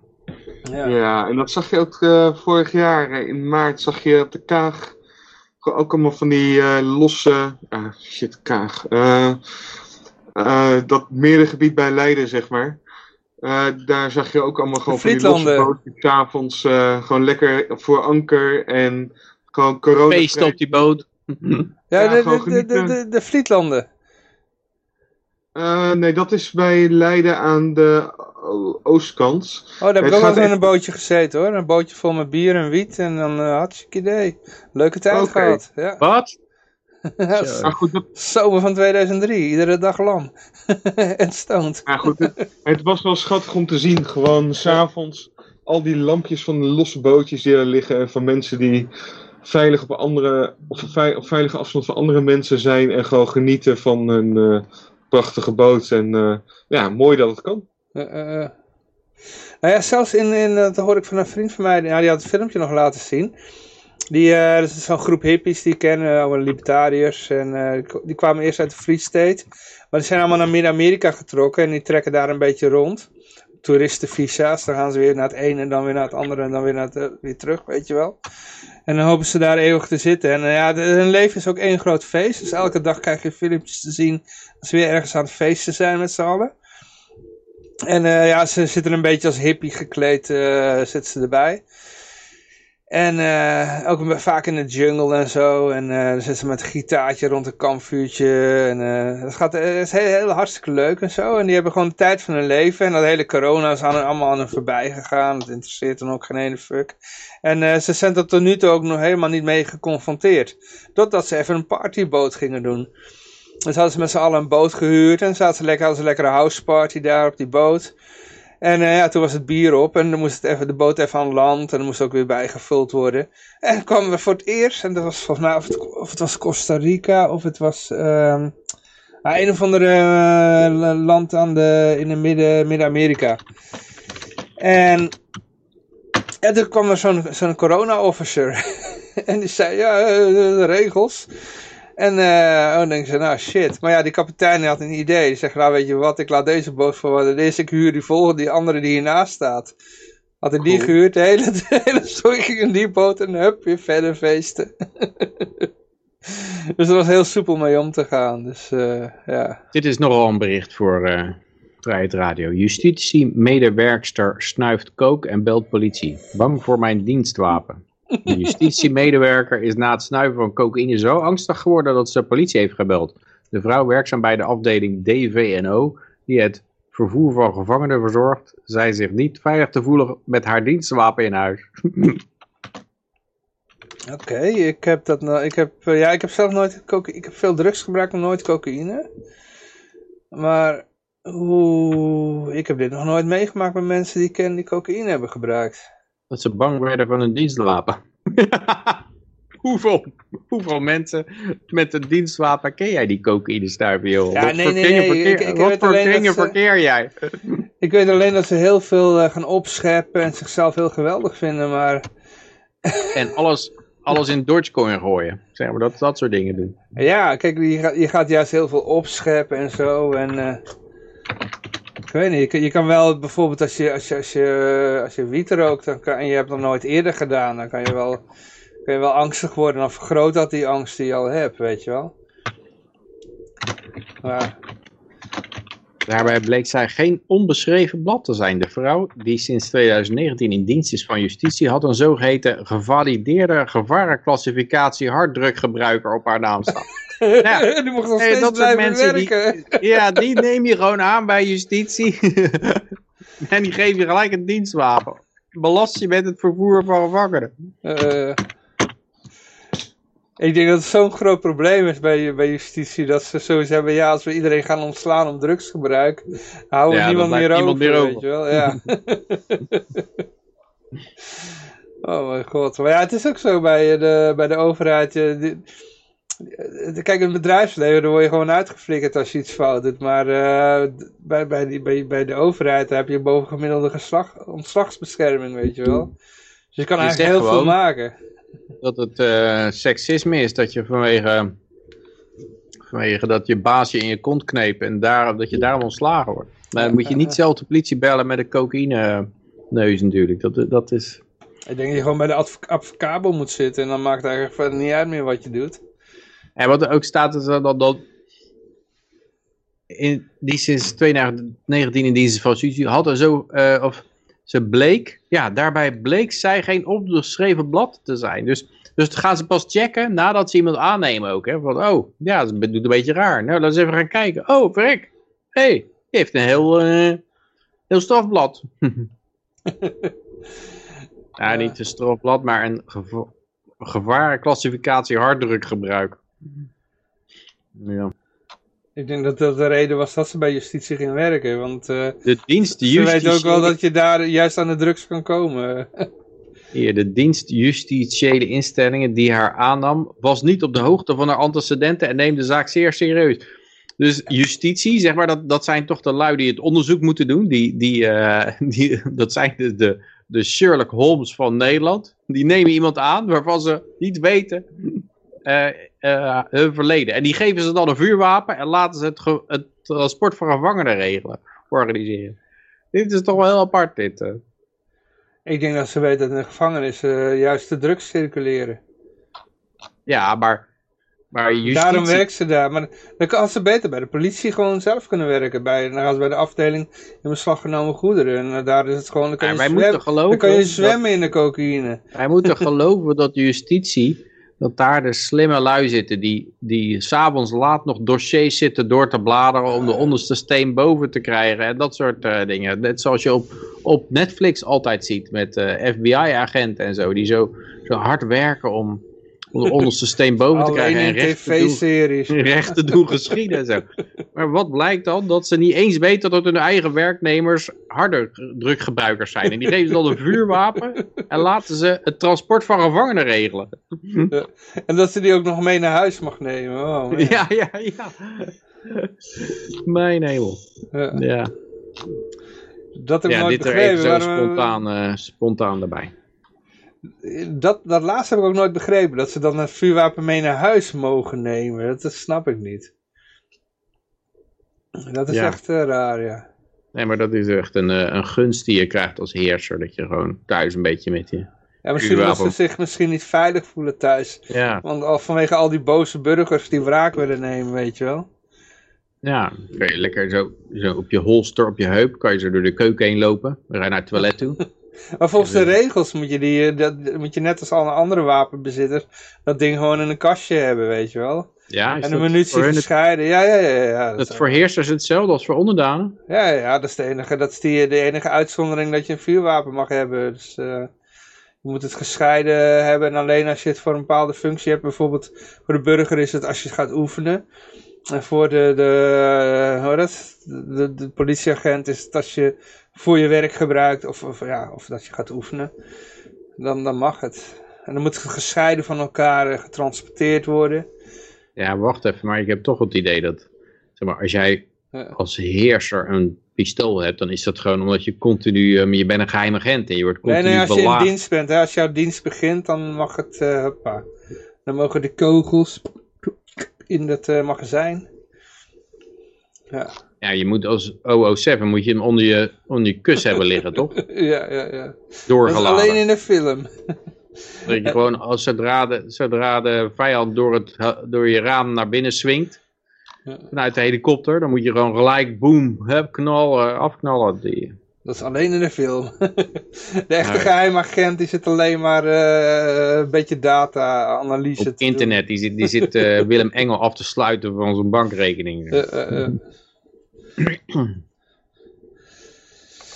Ja.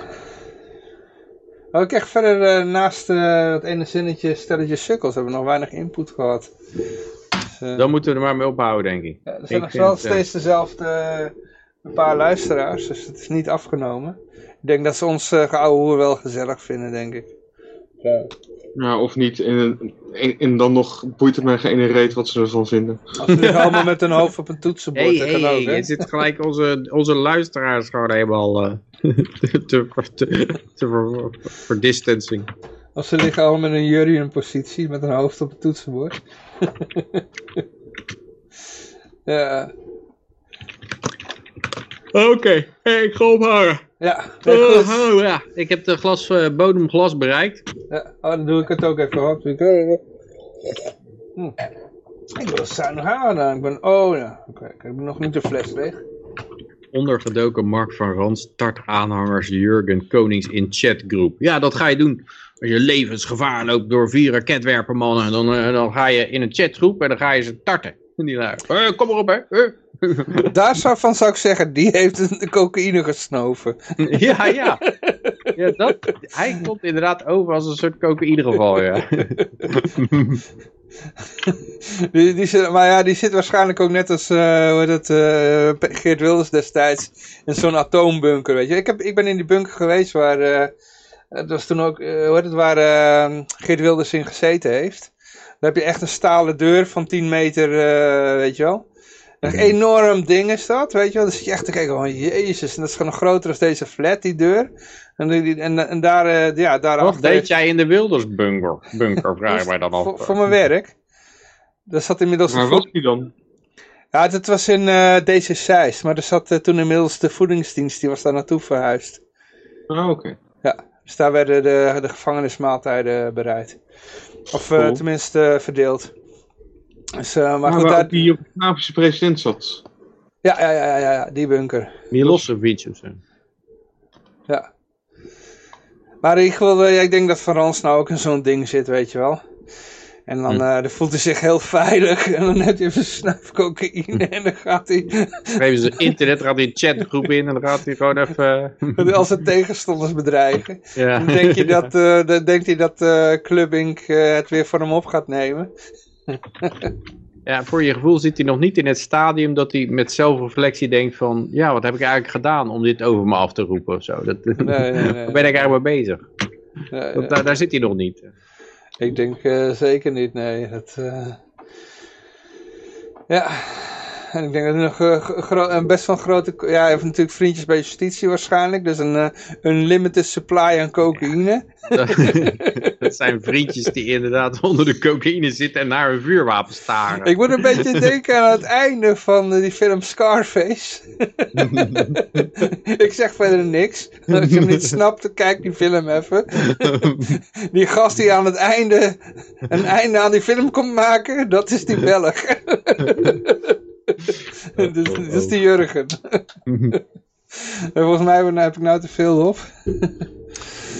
Goed, ja. Doeledokie. Okido. Ga hangen. Ik wil iedereen Doei. hartelijk danken voor het luisteren. En uh, uiteraard de deelnemers danken. Uiteraard zijn we de volgende week weer. Ik wens iedereen een vrolijk en vooral heel erg vrije week toe. En ik zou zeggen, toedeledokie.